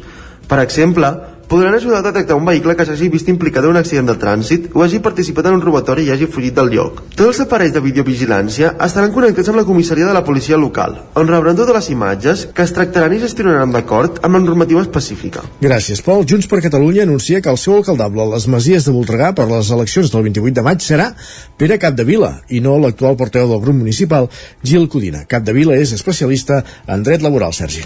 Un perfil que debuta en política municipal del qual el partit en destaca la seva vocació de servei. Una presentació que seguiria el guió clàssic d'un escenari preelectoral si no fos perquè, en el cas de les Masies de Voltregà, el partit ja hi té tres regidors a l'Ajuntament que també tenen intenció de presentar-se als comicis del mes de maig. La lògica portava a pensar que seria Gil Codina, cap de llista del partit ara fa 4 anys, que repetiria com a número 1. És per això que la candidatura de Capdevila ha resultat ser tota una sorpresa. Fons de l'executiva de Junts asseguren que no hi ha hagut cap trencadissa, però que la militància s'hauria desconnectat dels tres regidors actuals poc després de les eleccions del 2019, quan van decidir pactar i entrar al govern sota el paraigua del PSC. Codina ha explicat que es va assabentar que el partit treballava en una altra proposta ara fa una setmana. Un escenari que l'obliga a canviar de marca, tot i que diu té projectes i l'equip, i per tant també es presentarà. La dotzena edició del pro programa Art i Escola que organitzen l'AC Vic i el Centre de Recursos Pedagògics d'Osona implica més de 3.200 alumnes i 32 centres educatius de primària, secundària i educació especial. La primera mostra es va poder veure dijous a la Rambla del Passeig. S'hi van poder veure les propostes que han treballat aquest any als centres educatius que han participat al programa Art i Escola que impulsen l'AC Vic i el Centre de Recursos Pedagògics d'Osona. La presentació dels treballs es traslladava així de l'espai on es feia habitualment la l'aula magna de la Universitat de Vic a les parades a peu de carrer. Bet Piella és la regidora de Cultura i Elisabet Franquesa la d'Educació. El que té molt sentit per nosaltres és mostrar-ho a la ciutadania, que tothom sigui conscient dels projectes que es fan. I quina ocasió més bona que el Mercat del Ram? Gaudir d'activitats, de propostes educatives molt més enllà del que el centre es pot oferir. Quan som capaços de trobar aquests projectes eh, transversals amb què intervenen altres agents educatius, eh, per nosaltres ens satisfà molt. Els més de 3.200 alumnes de 32 centres educatius que s'han implicat en aquesta edició de i Escola han treballat com a tema comú l'arrel. Ho explica Imma Verdaguer del Centre de Recursos Pedagògics d'Osona. Presentem el tema arrel. Pot ser arrel cultural, arrel afectiva, arrel biològica. Cada escola se'l fa seu i es treballa com un altre tema en el centre i que després ha de tenir un producte final artístic des de les arts contemporànies. Tots aquests treballs seran exposats a l'ACVIC. La inauguració tindrà lloc el 18 de maig. Més qüestions, obrim plana, continuem amb la plana cultural perquè Caldes de Montbui acull aquest mes d'abril una exposició de pintures de l'artista uruguaià Salvador Valente. Roger Rams, zona codinenca. Sí, el pintor uruguaià Salvador Valente ha inaugurat aquest divendres al Centre Democràtic i Progressista de Caldes de Montbui l'exposició titulada Vivències, que exposa un recull amb 28 obres de petit i mitjà format que combinen l'estil figuratiu i abstracte amb la tècnica d'oli amb pols de marbre sobre tela, on l'artista hi ha volgut plasmar vivències de diferent tipus. El propi Salvador Valente ho explica. Eh, acá he hecho una muestra que es una especie de retrospectiva debido a que hay obras de otras épocas, obras figurativas y obras abstractas. Por lo tanto, es, la intención es de mostrar un pasaje, cómo se puede pasar de la, de la figuración a la abstracción, que es un proceso de años, y bueno, y es lo que se muestra en esta exposición. Eh, hay una explicación más o menos detallada sobre el, sobre el, el tránsito de este proceso, que viene motivado por diferentes cosas. Valente és nascut a Montevideo l'any 1945, però des de fa un temps viu a Barcelona, on imparteix classes en el seu taller i on també aprofita per crear les seves obres, a més d'impartir conferències sobre les arts plàstiques uruguaianes al Casal d'Uruguai de Barcelona. Un dels organitzadors de la mostra, Marc Ungost, explica que Valente és un artista amb una àmplia trajectòria a les sales catalanes. Aquesta exposició Vivències que, que presentem a l'Alter del Centro presenta doncs, el seu estil abstracte i figuratiu amb la tècnica oli amb pols de marbre sobre tela, amb exposicions i amb obres permanents arreu del territori català i com no també a Uruguai i a Managua, la, a la capital de, de, Nica, de Nicaragua. A l'acte d'inauguració hi van assistir una vintena de persones i l'exposició es podrà veure fins al proper 25 d'abril a l'Altell del Centre Democràtic de Caldes de dimarts a diumenge, matí i tarda. I a la plana esportiva, un nom propi, el del futbolista ripollès Aleix Garrido, que debuta a primera divisió amb el primer equip del Barça a la golejada del Club Laurana contra l'Els 4-0. Isaac Muntades, la veu de Sant Joan. El jugador ripollès de només 19 anys, Aleix Garrido, va debutar a la primera divisió de futbol aquest dissabte amb el primer equip del Futbol Club Barcelona en la clara victòria domicili contra l'Els per 0-4. Garrido, amb el dorsal 40 a l'esquena, va entrar al minut 84 substituint Ansu Fati i va jugar un total de 9 minuts. L'entrenador del Barça, Xavi Hernández havia explicat a la roda de premsa prèvia al maig que hauria entrat abans en una convocatòria si no hagués patit una lesió al turmell que l'ha mantingut apartat dels terrenys de joc els últims 3 mesos. Nascut a Ripoll l'any 2004 i format a l'escola de futbol del Ripollès, Garrido va marxar de ben petit al Barça i de fet l'any 2012 es va incorporar al Benjamí C. Des de llavors ha estat 11 temporades al futbol base del conjunt blaugrana, passant per totes les categories fins a arribar al juvenil, on va coincidir amb una peça fonamental del mig camp culer, Gavi. Tot i haver-se lesionat, el jove futbolista de Ripoll ha disputat un total de 20 partits, amb el juvenil A n'ha jugat 9 a la divisió d'honor i ha fet dos gols, mentre que la UEFA Youth League va fer un gol amb 6 partits. A més a més, gairebé sempre va sortir de titular. En declaracions a Barça TV, Garrido estava visiblement emocionat. Crec que és el millor dia de la meva vida, bàsicament. Porto la vida al club, és que m'emociono i tot perquè són molts anys al club. Crec que aquest dia me l'emportaré per sempre, la veritat. I res, agrair a totes les persones que han estat al meu costat, agrair al, al Víster i ojalà vinguin molts i molts més. I res, doncs soc la persona més feliç del món ara mateix. Abans d'entrar, Xavi li ha dit que no perdés pilotes i ell n'estava segur que si continuava així tindria més oportunitats amb el primer equip. Garrido també va desvetllar com s'havia assabentat de la convocatòria pel primer equip. Mira, ara mateix portava 3 mesos de lesió, com aquell que diu ha vingut com tot molt i molt ràpid. Dilluns a la tarda em truquen i em diuen que el dimarts m'incorporo amb el primer equip i és algo que no tocaves de creure, fas entreno, entreno i dius i si arriba, i si arriba, i si arriba, però no tocaves de creure. Veus la llista, estàs dintre i ja són hores que no pares de pensar-hi, són hores que no pares de, de dir jo què faig aquí, no? Després del camprodoní Joel Roca, que ha debutat aquesta temporada amb el Girona, i del ja difunt Esteban Cifuentes de Ribes de Freser, Garrido s'ha convertit en el tercer jugador del Ripollès que debuta a la màxima categoria del futbol estatal. Doncs sort i encerts en aquesta trajectòria esportiva. Gràcies, Isaac. Acabem aquí aquest repàs informatiu que començàvem al punt de les 10 i un minut en companyia d'Isaac Muntades, Roger Rams, Pol Grau i Sergi Vives. És moment al territori 17 de saludar el nostre home del temps, en Pep Acosta.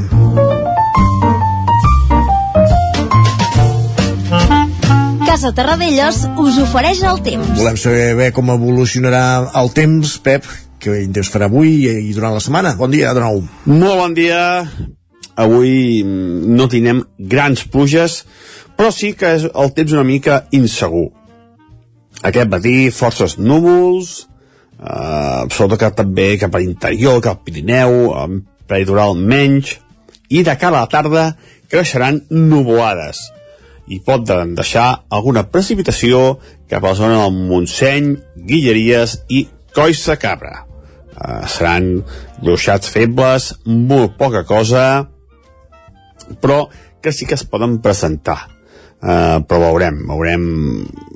Hi ha una possibilitat petita, esperem que siguin ruixats una mica intensos i extensos, tot i que no, no pinta gaire així la cosa, esperem que s'animin que s'animin una mica més les temperatures màximes molt semblants a les d'ahir, la majoria entre els 18 i els 22 eh, graus de màxima.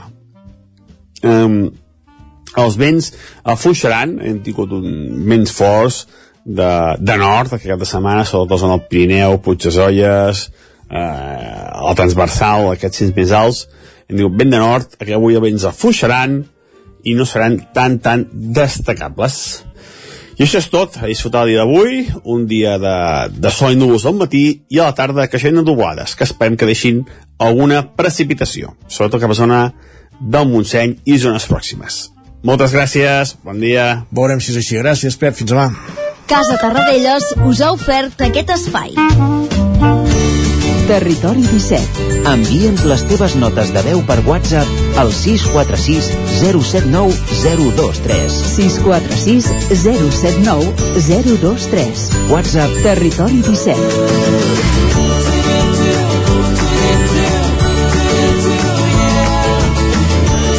Territori 17. Som a Facebook, Twitter i Instagram amb l'usuari Territori 17. 30 segons i serà un quart de 11 del matí. I a aquesta hora, com cada dilluns, el que fem és saludar en Pol Grau perquè amb ell comencem la roda esportiva, la roda per les emissores del territori 17 per saber com ha estat la jornada esportiva del cap de setmana pels equips i esportistes de les nostres comarques. Pol, benvingut de nou. Bon dia. Parlem d'esports ara. Com ha anat la jornada, va? Bé, uh, tindrem diversos dif diferents resultats. Com, comencem amb futbol, a segona catalana, on tenim el Cardedeu, que està jugant aquesta segona fase per a primera catalana, on va deixar escapar els 3 punts que tenia a la butxaca fins l'últim minut, que jugava contra el Masnou, on guanyava per un gol a dos, i en l'últim minut el Masnou aconseguia empatar el partit amb aquest 2 a 2, cosa que fa que el Cardedeu es, es quedi quart a la classificació d'aquests 6 equips amb 38 punts, així que veurem com, com va avançant aquestes, aquests partits de la segona fase. A tercera catalana tenim el Cardedeu, el filial, que jugava a casa contra el Vilamajor i també va deixar escapar aquests 3 punts a, per 0, on va perdre per 0 gols per 0 a 1 davant del Vilamajor. Uh, això fa que el Cardedeu baixi a la novena posició amb un rival directe que juga contra el Vilamajor amb 32 punts. A la mateixa lliga tenim el Llinàs, que sí que aconseguia guanyar contra el Santa Eulàlia de Ronçana per 5 gols a 4, aquest partit on van veure els, els que van veure el partit van veure 9 gols, uh, partit interessat i disputat on van avançar on, on van començar a avançar-se el, el, el partit el visitant amb un gol al minut 2 ja ben aviat el, el Llinàs va aconseguir remuntar un gol amb 2 a 1 després els visitants van empatar amb 2 a 2 el Llinàs va aconseguir imposar-se per 4 a 2 on ja van veure que per 4 2 havien el resultat eh, bo. El visitant va, va posar la por al cos amb un 4 3 i al final el Llinàs va aconseguir marcar el 5 3 i als últims 10 minuts el visitant ficava un altre cop la por al cos amb aquest 5 4 uh, això fa que el Llinàs aconsegueixi aquests 3 punts i escali fins a la oncena posició amb 27 punts allunyant-se de les últimes places. A primera catalana tenim el Granollers que va empatar contra el Mollet amb 0 gols a 0 el Granollers que es complica aquesta primera posició, aquestes primeres posicions de la Lliga on cau fins a la cinquena amb 39 punts cosa que eh, té una marge, un marge de 3 punts davant del sisè classificat. Així que veurem com avancen aquests partits. A la Lliga EVA en, en bàsquet tenim el Granollers que juga contra el Barça que sí que va perdre per 64-83 eh, el Barça que és primer a la Lliga va aconseguir guanyar per una golejada al Granollers amb 64-83 en, en vol tenim el Franklin Granollers que no va, va deixar escapar els, a la victòria davant la de Mar de Lleó on els, els, el de Mar va aconseguir empatar en l'últim minut del partit a aquest 38 o 38 i acabem el CAC, el CAC Granollers, el femení, que perdia davant del Betionac per 25 a 27. Perfecte, Pol. Doncs moltíssimes gràcies. Parlem després Parlem de la tertúlia, que avui deus estar content, eh? Sí. Molt bé. Fins ara. Fins ara. Roger Rams, zona codinenca, explica'ns com ha anat per aquí la jornada del cap de setmana. Doncs va, si fem una mica de repàs, perquè hem tingut alguns derbis, també diríem, dintre del territori 17, per tant, anem aviam com ha anat eh, tot plegat. Comencem parlant de futbol. A la primera divisió catalana, el Caldes va caure derrotat dissabte en el seu partit davant del Vic. Els calderins es van avançar al marcador al minut 50 amb gol de Sergi Estrada, però els bigatans van capgirar el marcador amb dos gols molt seguits als minuts 60 i 63. Després d'aquest resultat, el Caldes és 13 amb 23 punts, per tant, perd alguna posició, mentre que el Vic escala escala fins la segona posició de la Lliga. Més futbol, el grup 5 de la tercera catalana, el Vigas no va ser capaç de superar el Santa Eugènia i va perdre per un gol a dos a casa, fet que els fa caure de nou a la darrera posició de la Lliga. D'altra banda, el líder del grup, el Mollà, va guanyar per 4 gols a 3 al Sant Quirze de Besora i suma ja 53 punts, mentre que el Sant Feliu de Codines també es van portar el seu partit davant del Roda de Ter amb un marcador de 5 gols a 3 amb doblet inclòs d'Edu Castro. Després d'aquest resultat, els codinencs són quarts a la classificació amb 45 punts i ara mateix en aquest tram final de la competició un dels equips amb millor forma. I acabem parlant d'hoquei patins. El rec amb les arcaldes va sumar aquest dissabte una nova derrota a l'hoquei Lliga, en aquest cas per dos gols a quatre davant del Liceo. Els calderins, doncs, no aixequen cap de la mala dinàmica de resultats que encadenen en aquest tram final de la Lliga, eh, on, de fet, no hi guanyen des del 19 de febrer. Per tant, una, francament, una mala dinàmica d'alcaldes en Lliga. El ritme del partit el va marcar el conjunt gallec i, malgrat els ballesans van poder seguir-lo en moltes ocasions, la superioritat tècnica del rival es va fer notar. Per tant, Uh, un partit que també hem de dir que pintava complicat, ja que el Liceo és actualment segon classificat. Després d'aquest resultat, el Caldes és novè amb 29 punts i després de l'aturada de Setmana Santa visitarà el Palau Blaugrana per enfrontar-se al Barça. Gràcies, Roger. Anem fins al Ripollès, als estudis de la veu de Sant Joan, on hi ha l'Isaac Montades una setmana més. Isaac, com ha anat la jornada del Ripollès? Doncs tenim una jornada força completa. Primer, aquest cap de setmana hem de felicitar l'Escola de Futbol Sala Servicat Ripoll perquè va guanyar la Copa Catalunya de Futbol Sala davant de la seva afició al pavelló de la Vallaneda, que estava ple a, a vessar per animar el seu equip.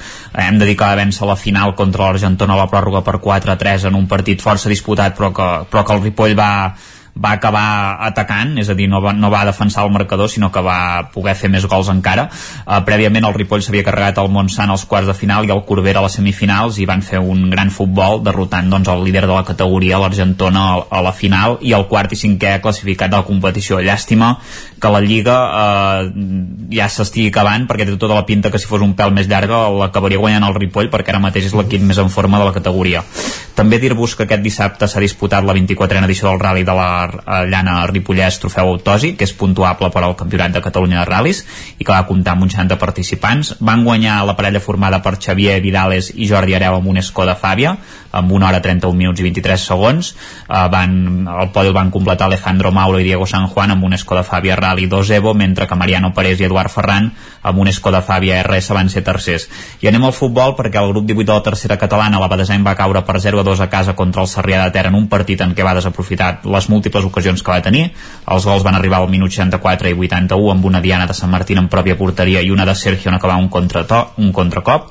Ara la Badesenc continua segon amb 50 punts.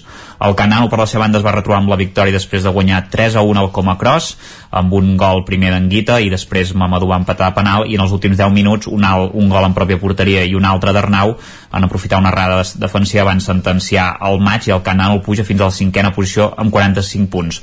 El Camprodon, per la seva banda, va perdre contra la Mer 2 a 3 al temps afegit, tot i avançar-se amb un gol de Lluc de penal. Diallo i Taric van capgirar el marcador. Oriol Galceran va posar l'empat al minut 90 però Taric va anotar en el descompte i ara el Camprodon és desè amb 32 punts. I per acabar, dos apunts ràpids, el Club Ripoll va caure a la pista del Tona per 5 a 2 en un partit eh, intrascendent perquè els ripolleros continuen primers de la Lliga falta d'una jornada amb 23 punts. D'aquesta segona fase de descens.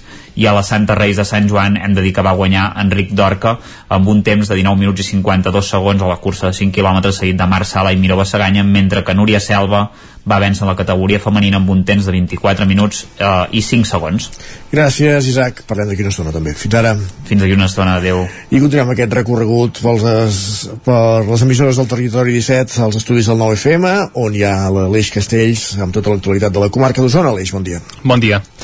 Doncs sí, comencem amb la derrota per la mínima del Tona al camp de la Rapitenca per dos gols a un degut a una mala primera part on els tonencs van encaixar els dos gols. Un resultat que els deixa onzens amb 31 punts, 6 per sobre del descens que marcava justament la Rapitenca.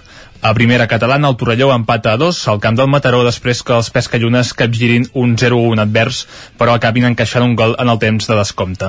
D'altra banda, resultat positiu pel Vic es retroba amb la victòria en vèncer per dos gols a un contra Alcaldes, remuntant un gol inicial als visitants. El Manlleu, per la seva banda suma un punt en el temps de descompte gràcies a una diana de Martí Soler des del punt de penal contra el Can Givert, partit en què va acabar amb empat a dos gols. A primera divisió nacional femenina, el Vic Riu primer empata a 0 contra el Villarreal B en un dia on les usonenques van estar, no van estar encertades de cara a porteria. En aquests moments, recordar que són cinquenes amb 46 punts.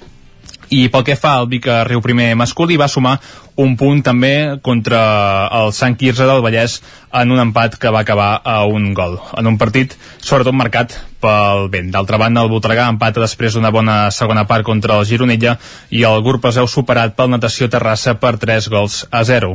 I el Tradí que segueix sense aixecar el cap i no retroba amb la victòria després d'empatar a 0 contra l'Olímpic Can Fatjó.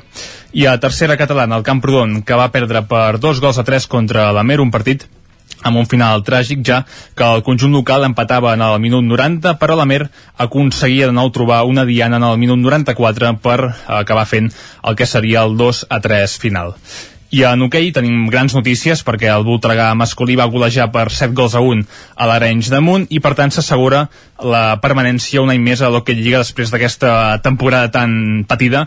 Però els usonencs doncs ara ja poden començar a treballar i a pensar amb la propera temporada. I en hoquei Lliga Femenina el Voltregà que va fer també els deures a Mataró guanyant per un gol a dos i superar un rival directe i fer que se situïn ja setens a la taula classificatòria. I per l'altra banda, el Manlleu que va reaccionar en la derrota per 3 gols a 2 a la pista del Vilassana, partit que formava part de la Champions League Women i tot eh, queda obert pel partit de tornada que tindrà lloc aquí a Manlleu. I pel que fa ja a tenis taula, el Girbau Vic TT va guanyar contra el Priego, actual campió de Copa per 4 a 0 i en bàsquet victòria de prestigi del Club Bàsquet Vic per 71 a 52 contra el quart eh, i per tant es manté invicta davant de la seva afició. Ara mateix recordar que els biguetans són tercers a una victòria només del Mallorca i el Mataró que lideren aquesta taula classificatòria. I acabem ja amb poliesportiu, on Xavier Vidales i Jordi Areu s'enduen el 34è Rally de la Llana. D'altra banda, Gil Membrado va aconseguir la cinquena posició a 5 punts als guanyadors. I Jack Carthy i Vera Barón campions del Gran Premi Ciutat de Vic de bici trial on es va disputar en el circuit del Mas de les Vigues. I gran participació també al Raid Hípic de Vic, amb més de 150 cavalls que va tenir lloc el passat dissabte a Barcelona. I per últim, més de 600 atletes que participen a les tres curses de la Ultra Trail celebrat al Montseny, en el que va ser ja la seva novena edició. Gràcies, Aleix eh, per aquest exhaustiu repàs, parlem més tard. Bon dia. I avancem al territori 17, tot seguit el que fem és una petita pausa per la publicitat i encarem la recta final del programa d'avui. Ens acompanyarà de seguida en Guillem Sánchez amb el més destacat que ha trobat a Twitter i després serà el moment de la tertúlia esportiva, avui amb l'Agustí Danés, l'Isaac Muntades, Lluís de Planell i en Pol Grau per parlar doncs, de l'actualitat esportiva del cap de setmana marcada per aquest debut de l'Eix Garrido, del Ripollès a l'Eix Garrido a les files del Barça, també eh, un Barça que va guanyar 0-4 al camp de l'Elx, també la victòria del Girona al derbi davant l'Espanyol per 2-1 i la eh, conseqüència segurament la destitució de Diego Martínez com a entrenador de l'Espanyol. D'aquestes qüestions i d'altres en parlarem avui a la tertúlia esportiva. Serà res, una pausa, les piolades i recta final del territori 17. Fins ara mateix.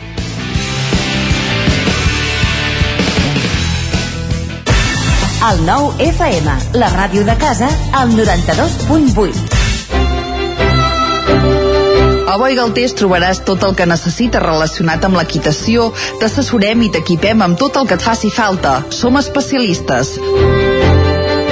No ho dubtis i vine a Boi Galtés. Ens trobaràs al carrer Jaume I de Vic, número 5, al 93 886 1420, a la nostra web www.boigaltés.es i també som a Instagram, boigaltés.equitació. Bon dia, us truco del servei tècnic oficial de Bailand. Hem detectat que la pressió de la seva caldera està baixant. No me n'havia adonat. Com es pot solucionar? Ho resoldrem en uns minuts. No espereu més. Amb el servei de manteniment ServiPlus Connect de Bailand, preocupeu-vos del que realment importa. Nosaltres ens encarreguem de la vostra caldera. Informeu-vos a connectivitat.bailand.es. Ser a prop vol dir veure les coses més bé.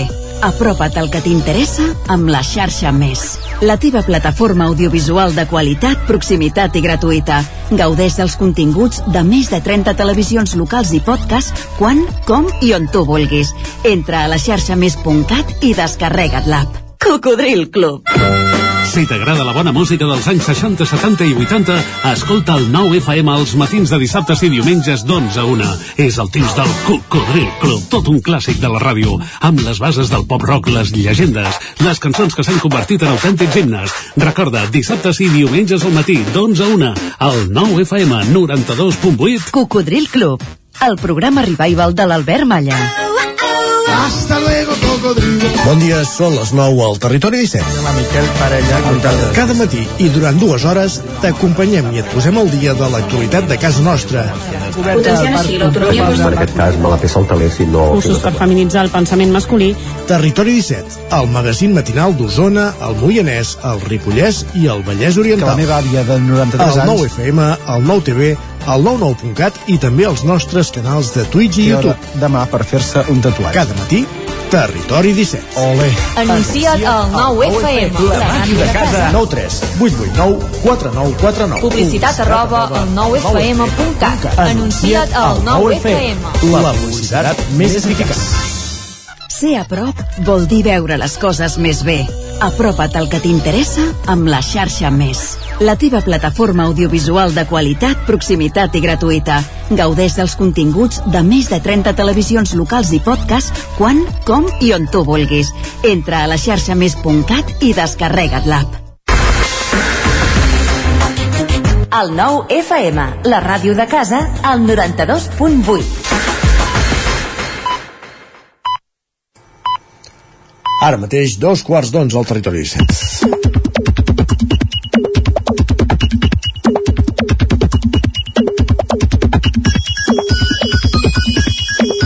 I a dos quarts d'onze al territori 17 saludem com cada dia en Guillem Sánchez, que ens arriba carregat de tuits que ha trobat a Twitter, valgui la redundància. Guillem, bon dia. Què tal, què tal? Bon dia, bon dia. Com, com va la cosa? Com m'ha anat el cap de setmana? Doncs mira, amb una mica de ressaca de Mercat del Ram encara, eh? Orgull d'Osona. Mira, mira, mira, sempre, sempre, sempre. I de fet això, eh, la xarxa em va, em, va plena. El Mercat del Ram? De xarxa en parla, mare De tota la gent que ha passat per aquí a la comarca de- d'Osona. De, fet, hi havia gent que abans de començar el mercat ens escrivia no estic mentalment preparat per aguantar Vic ple de pixapins pel Mercat del Ram. Pim-pam. Pim-pam, Doncs dita. el medieval. De fet, el nostre company en Guillem Freixa també ens demana, diu, què, ja heu estrenat alguna peça de roba pel Mercat del Ram? Tot això és molt biguetà, eh? Perquè Sí. la, la resta de, de, del món mundial se'ls... Va, en fi. No, no, acaba la frase, acaba la frase, Això, Isaac. això d'estrenar coses pel mercat del ram... se'l- Va, en fi. Jo que sàpiga no vaig estrenar res, eh? No? Per si a en Guillem li interessa, jo no vaig posar res de, de nou. Jo, eh, ahir a última hora de la nit, perquè quan dic última hora vull dir molt tard, eh, va arribar una nota de premsa dels organitzadors del Mercat del Ram mm. donant xifres d'assistència i la dada que em va donar que em va impressionar més és que la despesa mitjana dels visitants al Mercat del Ram s'acosta als 90 euros. I això és molt. Home, Sí, imagina't no? una família de 4, 9 per 4, 36, 360 euros un dia de Mercat del Ram. No sé, Mare eh? de Déu, mare de Déu. Però, però m'agradaria veure, veure el detall d'aquesta en, en què s'ho gasten? Exacte. en què s'ho gasten? Va, aquest usuari també ens plantejava un dubte, ens deia Mercat del Ram o Mercat de la gent que camina lenta? Home, si tenim pressa ja un dissabte Home, si i un, un un dissabte, diumenge... si Mercat del Ram no pots anar a passejar... Malament, malament. Exacte. Va, l'Anna per això ens animava a venir a tothom, qui tenia l'opció de fer-ho, deia Mercat del Ram, us entesteu a venir pel medieval i en canvi en aquest podeu veure els porcs més ben plantats, menjar un entrepà de pollastre a l'ast o veure com les criatures estrenen rebequeta per venir la palma davant de la catedral. No hi ha color no? No, no hi ha color, no hi ha color. I en Nil ens comentava, diu, mira que agafo el cotxe poc pel mig de Vic, però els dies que ho he de fer, evidentment, han de caure al Mercat del Ram i al Medieval. Diu, barcelonins exiliats, vinga per vosaltres. No, diguem, no, no era gaire còmode per ningú, eh, circular un cotxe per Vic aquesta setmana. ni que per barcelonins, ni per ni que fossis de Vic o, o que fossis de, de, de, de fora. Perquè de fet com en resumeix en Genís diu Mercat del Ram amb bus d'Osona podria ser el nou bus el nou lema de, de la... El bus de Vic, deixa la resta d'Osona tranquil·la, que, que viuen en prou en pau. Ai, però va, vinga, canviem Què de tema més? perquè des d'avui tota la canalla i tota la gent, o molta de la gent està de nou de festa per Setmana Santa i sembla que gent com l'Eli ho troben a faltar una mica. Diu, un dia deixes de viure amb el calendari escolar i tot es torna més injust. Mira, noi, és qüestió de perspectives. és el que hi ha, no? És el que hi ha. S'ha de vigilar per això perquè en aquesta època de l'any poden produir-se també fenòmens paranormals com el que ens diu en Quim. Diu, una propietària de gos m'ha dit perdona que t'ha abordat. En comptes de dir no fa res. Deu ser un miracle de Setmana Santa. Home, de gent educada encara se'n va trobant, se'n va trobant sí, per, als, sí. per als carrers. Va, i una reflexió interessant que també ens comparteixen per xarxes, ens diuen ara que ha començat la Setmana Santa i molts haureu de sortir a passar uns dies fora de casa, recordeu que els turistes sempre són els altres. Sempre, nosaltres mai. Sempre Ah. som autòctons allà on anem. Quin dia vas a la platja, Isaac, aquesta setmana? Encara no ho tinc clar. No ho tens clar encara? No. Jo és que havia mirat temperatures i tampoc hi havia cap dia que em convencés per... Doncs cap a la muntanya, no sé. No, cap a la muntanya Cap tampoc, no, no. no? Platja, platja i aigua Platja, sempre. d'acord. Va, i el segon usuari... No ens omplis piscines, eh? No, no, no. La, la piscina ja està plena, la de la, la de la platja. Va, i el segon usuari ens afegia, diu, vosaltres a on aneu de vacances per Setmana Santa? Diu, jo ja ho tinc tot comprat i me'n vaig a casa meva a estudiar. Diu, és un país molt bonic per poder visitar. Oh, I tant, estudiant s'aprèn molt, eh? Home, hi ha gent que això, Només pot viatjar. ha d'aprofitar aquesta setmana per fer treballs, per estudiar i per fer coses útils per la societat, perquè si no malament, malament anem. Va, i comencem amb la secció de tuits i cinema que estrenem avui amb aquesta piulada de l'Elisenda que ens diu La meva iaia m'explicava que per Setmana Santa, quan ella i l'avi eren joves, van anar a veure Lo que el viento se llevó i que al cinema, tot i ser una estrena, hi havia quatre gats. El motiu és que el mossèn l'havia qualificat de altamente peligrosa. Carai. Tens alguna pel·lícula ara, tu, per aquests dies? Ah, altamente peligrosa? No. que vulguis veure? eh, Ara Isaac? mateix no em ve, no, no em ve No? res al cap. No, perquè, mira, eh, no sé si eh, podries agafar la, la proposta que ens fa Màxim per aquestes dates assenyalades que ens diu Màxim. quins nervis, ja falta poc per Setmana Santa ansiós per veure de nou Ben-Hur, si us plau no m'expliqueu al final Ai no, aquestes no, no, aquesta no, no, no. és del teu no. Vaja, acabarem amb una felicitació, la d'en Xavier que diu, desitjo a tots els catòlics una feliç Setmana Santa plena de misses, processons, via crucis, confessions, dejunis, abstinències i sacrificis diversos. I els no catòlics? Els no catòlics, doncs, que se'n vagin a la platja, no? De bé. vacances, per exemple. Gràcies, Guillem. Va, que vagi molt bé.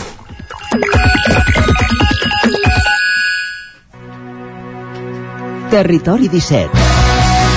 El 9 FM, la veu de Sant Joan, Ona Codinenca, Ràdio Cardedeu. Territori 17.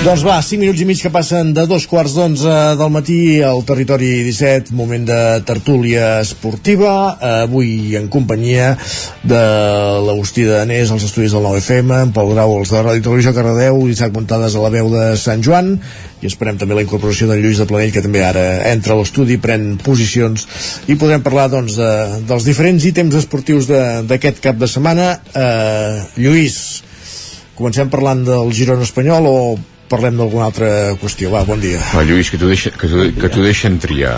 No, t'ho po, t'ho posen en safata. L'Isaac t'ho posa en safata. Home, després del el partit tan apassionant de, entre l'Elx i el Barça hauríem de parlar de l'Elx i el Barça Carai, avui que t'hem posat Lluís, és l'esperit de contradicció, però per, permanent. no, no, bé, bé, bé bé, Ah. Va, bé, bé, bé, bé. Eh, hem de canviar d'entrenador, ja ho veieu Luis García, diuen, no? diuen, però aviam, no, només es tracta d'això vull dir eh, jo, jo la veritat és que creia en aquest entrenador vull dir que és un és un tècnic que va fer una campanya extraordinària amb un equip modest com és el Granada que fins i tot va arribar a Europa i em semblava doncs que això era, era un home que més que mirar eh, el, el carnet d'identitat mirava el rendiment en, en el terreny de joc cosa que mm, a la seva etapa diguem a l'Espanyol no, no, no, no s'ha confirmat. No, no, no, no s'ha donat el cas. En va demanar alguns noms que no, no han funcionat i a més no ha donat per mi eh, en, diguem que oportunitats als, als, als nanos joves. Eh, nosaltres tenim per exemple dos, dos laterals en Navarro i en Víctor Gómez que estan triomfant fora de, del club nanos forjats a la casa eh, uns, uns laterals que ens irien perfectament bé perquè l'Òscar Gil per exemple doncs no està funcionant el cas de Brian Olivar és diferent perquè està lesionat però aquest sí que ha donat un gran rendiment però sobretot al mig del camp ho ha de, ho ha de basar tot en, en, en Sergi Darder i davant doncs eh, amb, amb en Lu el dia que en Darder no està bé com va passar a Girona i que José Lu doncs, no, no, està, no té el dia com també va passar a Girona doncs l'equip no, no hi és pràcticament desapareix.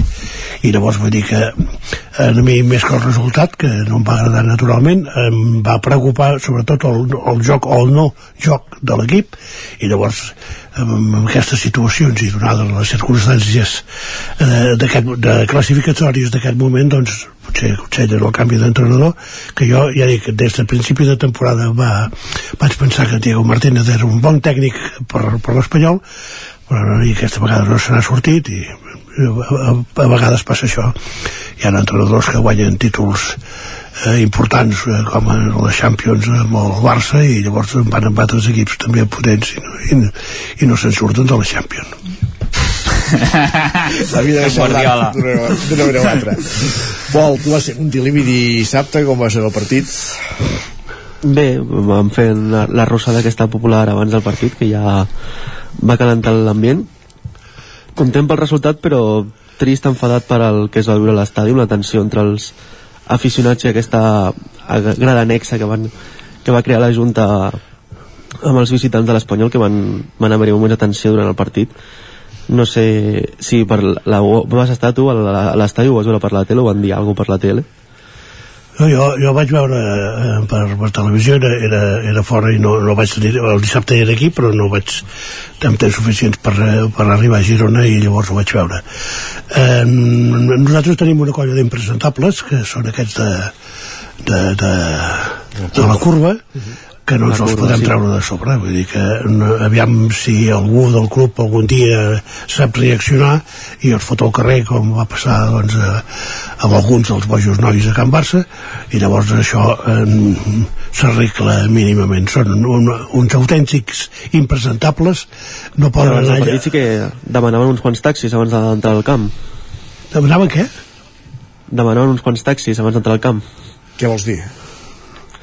No, no. com demanes un taxi Ah, d'acord, entesos. Aixecaven la mà, aixecaven la mà, ah, entesos, sí. Sí, Ah. no, sí, però sí, ja ho sabem, sí, sí. No, no, no, sí, sí, sí són, són aquests personatges que, a més, avui, avui defensen, entre cometes, un, un equip de futbol, demà eh, un altre eh, agrupament que no té res a veure amb això, i, i, i avui són tot l'Espanyol i demà són tot el Barça i demà són el Madrid, vull dir, són gent sense cap mena d'ideologia que no, eh, només els hi agrada criticar per criticar i la violència per la violència de totes maneres. Eh, per part de la Girona tampoc hi va haver un comportament exemplar per, per, és el No, mateix cas ningun dels dos, però- una, una minoria però, però és així però, i eh, això em preocupa una mica perquè per exemple el partit que ahir vaig veure a través de, de, de, de la televisió entre el Sant Andreu i el i a l'Europa també es van produir incidents al final del partit entre, en aquest cas entre jugadors que no, a Montilivi no, va, no va passar això però entre, entre aficionats també i llavors és, això és una mica preocupant el futbol no és per, per barallar-se Però- per res i que eh, el que s'ha de fer doncs és això, un, un, un espectacle esportiu que quan s'ha acabat s'ha acabat.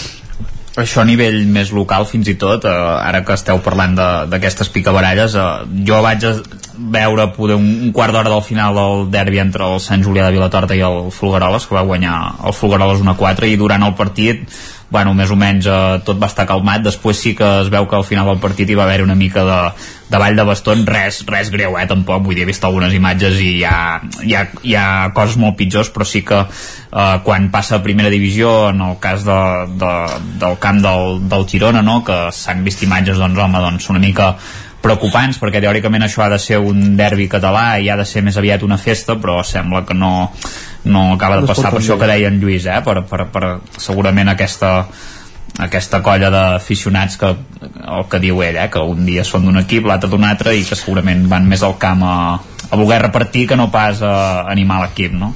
Però jo, jo no sé si és ben així és això que, que un dia són d'un equip i un altre dia són d'un altre i que no tenen ideologia. Jo crec que sí que tenen ideologia i que precisament, No, ideologia sí. que, que precisament tenen Però... ideologia i que, i que aquest és el, és el problema i que efectivament en tots els clubs n'hi ha, el que passa que no estic segur que la proporció sigui la mateixa que jo és el que és la part que, que trobo poder més trista de- de- d'aquesta situació que al final eh, és això, no? que el dissabte hi havia gent que volia anar a futbol i que van acabar pels alguns comentaris que veus doncs, a les xarxes o de gent o algun conegut no? que t'ho explica que, hi, que, era, que, era, que era allà i que per l'hora que era doncs, a més convidava vull dir que ara hi ha el Barça-Madrid que, no? aquesta setmana que era totes les mesures de seguretat és a les 9 del vespre bueno, un partit l'hora que era que gent que hi anaven doncs, bueno, amb, el, amb els fills que igual era la primera vegada que hi anaven que més va, va acabar bé diguem pels interessos locals que és a mi els que m'ho han explicat no? home, acaba amb un, amb un regús de, de boca com molt trist perquè algú fins i tot doncs, va, va tenir gairebé por no? I, i això és veritat que, que, passa, que, que passa jo mira, fa deu fer ja do- tres anys o, o, o quatre anys vaig anar a un desplaçament de Champions del Barça al camp de l'Olímpic de Lió i els del Barça estàvem tots diguem, en, en, un, en un mateix espai molt delimitat, no?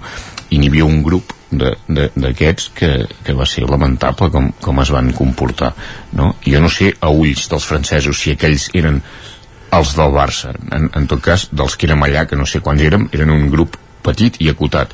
El meu dubte és dir si, si en aquest, i acotat dic perquè estàvem, diguem, tots junts, no? El meu dubte és si en aquest, si en aquest cas de, de dissabte, que situo una escala diferent, eh? Una cosa, allò era un partit de Champions, a, a França, això és un, un partit de Lliga amb un estadi més petit, amb menys aforament, però si també era una cosa limitada o, o, o, o era un caos més generalitzat, que és la part que trobo, si és que era així, com més preocupant, no?, de dir, tu, eh, quin, quin embolic, no? Jo l'únic que vull aquí és venir aquí, seure aquí a la meva butaca i mirar el futbol i potser si se t'escapa algun crit o algun renec, però no haver d'anar, diguem, a ventallades i amb policia i, i, amb, i, amb, i amb aquestes històries, no? Jo quan parlo d'ideologia em, em refereixo a ideologia esportiva eh, i que, que evidentment que tenen, que són uns ideòlegs de, de l'extrema dreta. És que aquest és el problema. I, i eh, això, això és evident.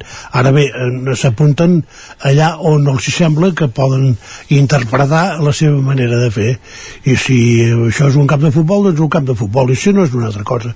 I, i, i el, els dies igual la, la manera de fer. Eh, no, el fet de, de que en tingui tothom no et disculpa eh, diguem el, el, el, el, els seus sí, però, però em refereixo que, que, que, que no, no, efectivament però em refereixo que, que és un tema que és, que és més general. Jo, és a dir, que això pf, ningú se n'acaba de, de, de sortir de resoldre-ho perquè està com molt enquistat i molt infiltrat. Però jo el que dic és, no sé si és la mateixa proporció que és la part, m'explico. Vull dir que, que al final, jo el que dic jo l'experiència que he viscut, de dir allò era un grup l'Espanyol també és un grup o és, o, o és un grup molt, molt, molt important no, no, no. o és un grup molt important Però... pel que es va veure a Girona no? i que no és de dir, no, és que són aquests 10 i estan aquí en aquesta gàbia no? perquè els aficionats contraris et posen en una gàbia no? són no, aquests a Girona no ben bé perquè això van haver habitual al costat per això dic i això també és diferent però de totes maneres eh, proporcionalment eren eh, no sé, 20, 30 i, i no sé quants pericos hi havia però a, mi em va constar pel que anaven dient que n'hi havia bastants de pericos repartits per tot el camp. I, i amb un comportament diguem que absolutament normal. Vull dir que eh, ni proporcions ni històries. Eh, només un eh, eh, es comporti com es, es va comportar algun eh, blanc i blau allà, eh, doncs ja em, em, em sembla detestable i em, i em, i em sembla que eh, que, que s'ha d'intentar erradicar cosa que per part meva eh, no estic massa content el que està fent el club eh, amb això tot, tot i, i que és veritat que les coses han canviat que fins i tot eh, a Cornellà eh, hi havia problemes eh, de, de, de convivència entre teòrics pericos. I dic teòrics perquè els violents per mi no són pericos ni són res és una altra, és una altra història Uh, parlem d'altres qüestions. Uh, va haver aquest partit, com dèiem, dèiem dir Girona, però ja han passat més coses al cap de setmana. Isaac Montades, un ripollès que ha debutat amb el Barça, el primer equip del Barça. Sí, sí, sí, l'Aleix Garrido, que, que ha debutat amb el primer equip del Barça bé, era un partit uh, ideal per, per debutar perquè el marcador estava molt a favor va sortir als minuts finals i, i bé, va poder doncs, complir aquest somni perquè és un jove que em sembla que des del 2012 ja, ja va anar al Barça ell estava jugant a, a l'escola de futbol del Ripollès que com sabeu és el futbol base que comparteixen el Can d'Ànol i, i el Ripoll a, a la comarca de, del Ripollès i, i a partir d'aquí doncs, ha anat passant per totes les etapes, ha anat eh, cremant eh, categories, eh, estava al juvenil, aquest any també em sembla que ha jugat alguns partits amb el, amb el segon equip i ha fet el, algun gol fins i tot uh, i, perdó, amb el segon equip no, amb el, amb el juvenil ha jugat eh? amb, amb el segon equip em sembla que encara no, no, no havia jugat o ha jugat molt, molt poquet si, si, si ha arribat i això que, que és meteòric realment ara té 19 anys vull dir, és, és força jove és també de, de la mateixa promoció que, que Gavi de fet han compartit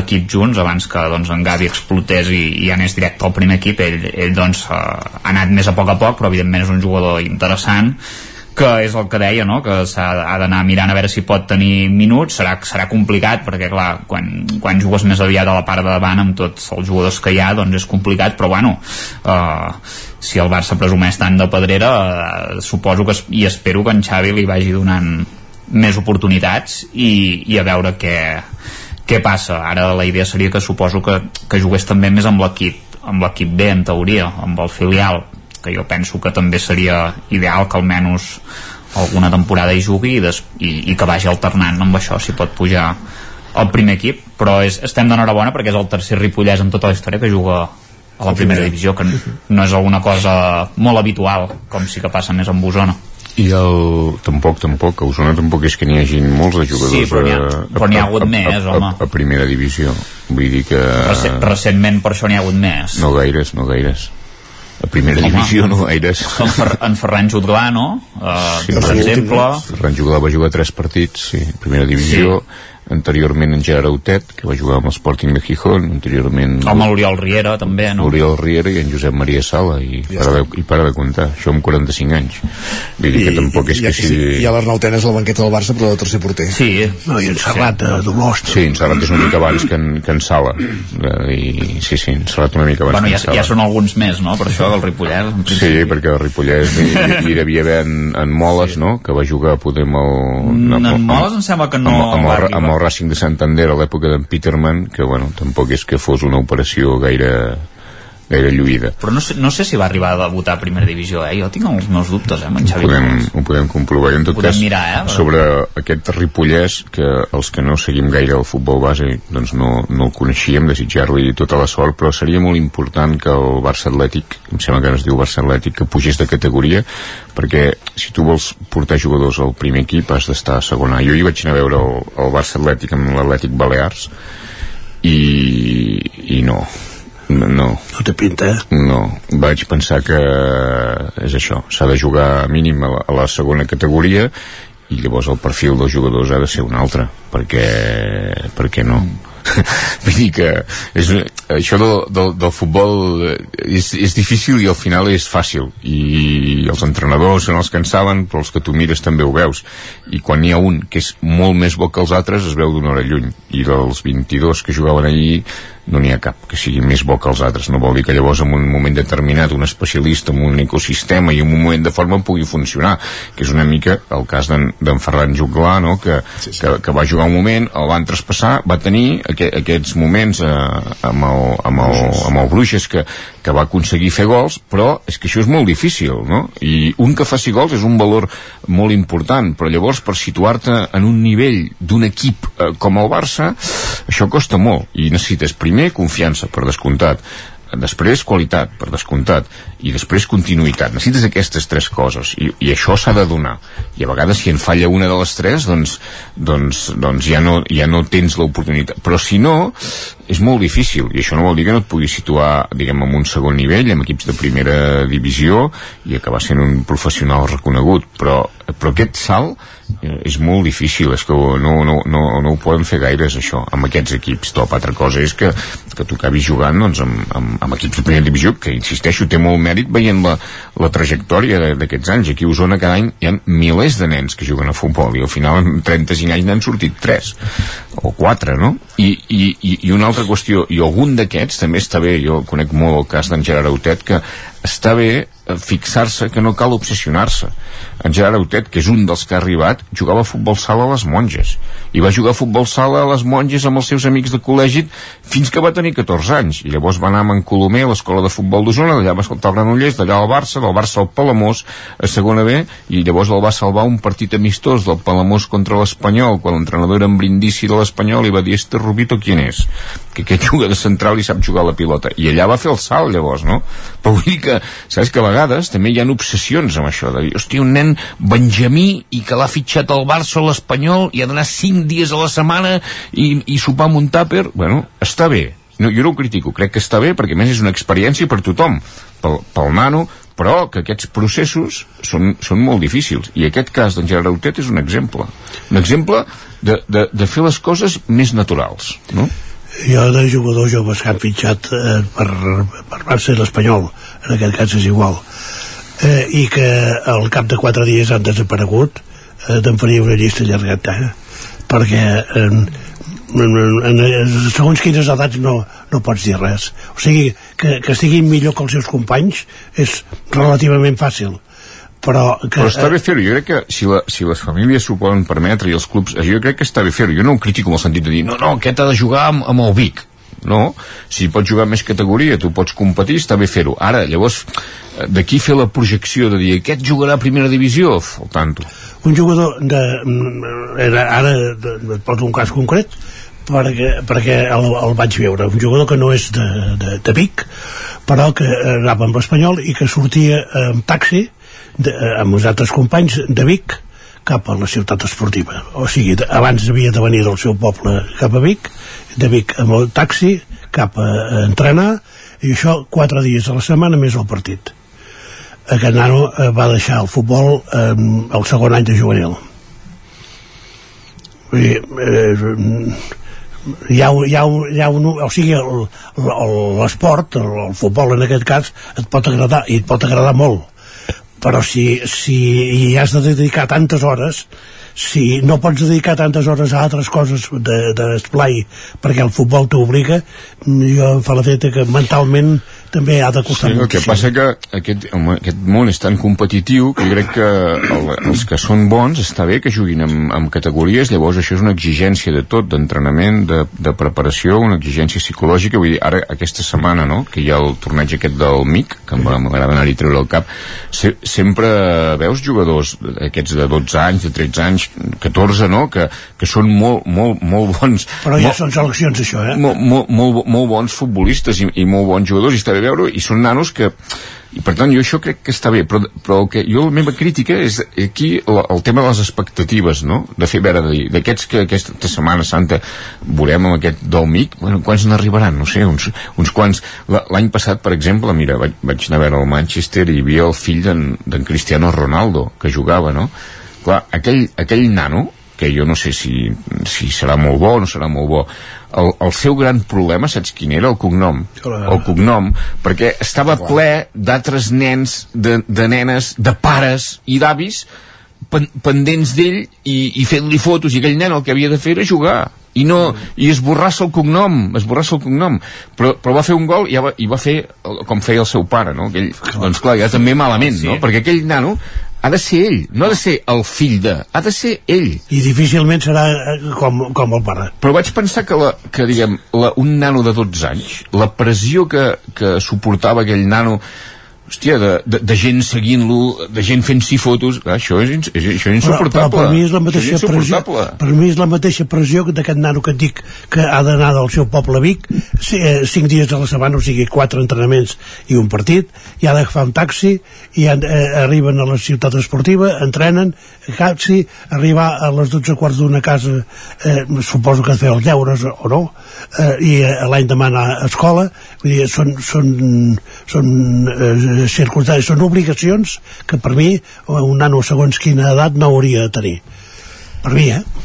Anem acabant, tenim un minut de tertúlia, no podem aprofundir gaire, però faig una pregunta i demano respostes monosíl·labes. Monosíl·laba, ja m'ho entès. Uh, ha de tornar Messi o no? Home, estaria bé que tornés en, en Messi. Jo crec que per un tema esportiu segurament no, per, per un tema esportiu no, però per, per un tema romàntic de tancar un cercle i, i un cercle i sobretot i sobretot i sobretot per un tema de màrqueting jo crec que seria molt bo no només pel Barça sinó també per la Lliga. O sigui, a qui més li interessa això és a Manteves Isaac. Uh, no. No? Això ja queda clara. I com, uh, com ho pagareu si Messi Sí, exacte. Ja es pot jubilar, no cal pas. Amb calés. Amb, amb calés, quin calés. Destruir, destruireu l'equip, ja està. Amb el que sí. Pagareu 1.600 milions de deute. Amb el, amb el Pagareu el Camp Nou. Es farà tot. Uh, ah, es farà tot. Vale, bé, Això depèn de guanyar. Has de guanyar. La Lliga ja la tenim al, al sac, la Lliga. I, i què? Ja, ja ho veurem. Això és, I, el, ja el, el, el, el cercle virtuós comença guanyant sempre. Va, a la no, que sí, comença s'engega la roda, Lluís, s'ha d'engegar la roda. No, no, la roda molt, molt engegada, tant i com vulguis. Ara s'engega la roda, com- ve- altra, ve- una vegada més. Però com ho pagues, això? Una vegada més. Avui hi ha una notícia interessant a La Vanguardia, també, amb el titular de La Vanguardia. En temes. Sí, no sé si l'heu vista, a l'entorn, diguem, d'aquesta Parlarem d'aquí 15 dies, ho hem de aquí. denúncia falsa. Gràcies a tots que va traducció. Apa, bon dia. Territori 17, un magazín del nou FM. La veu de Sant Joan, Ona Codinenca i Ràdio Cardedeu amb el suport de la xarxa. I tornem demà, adéu-siau.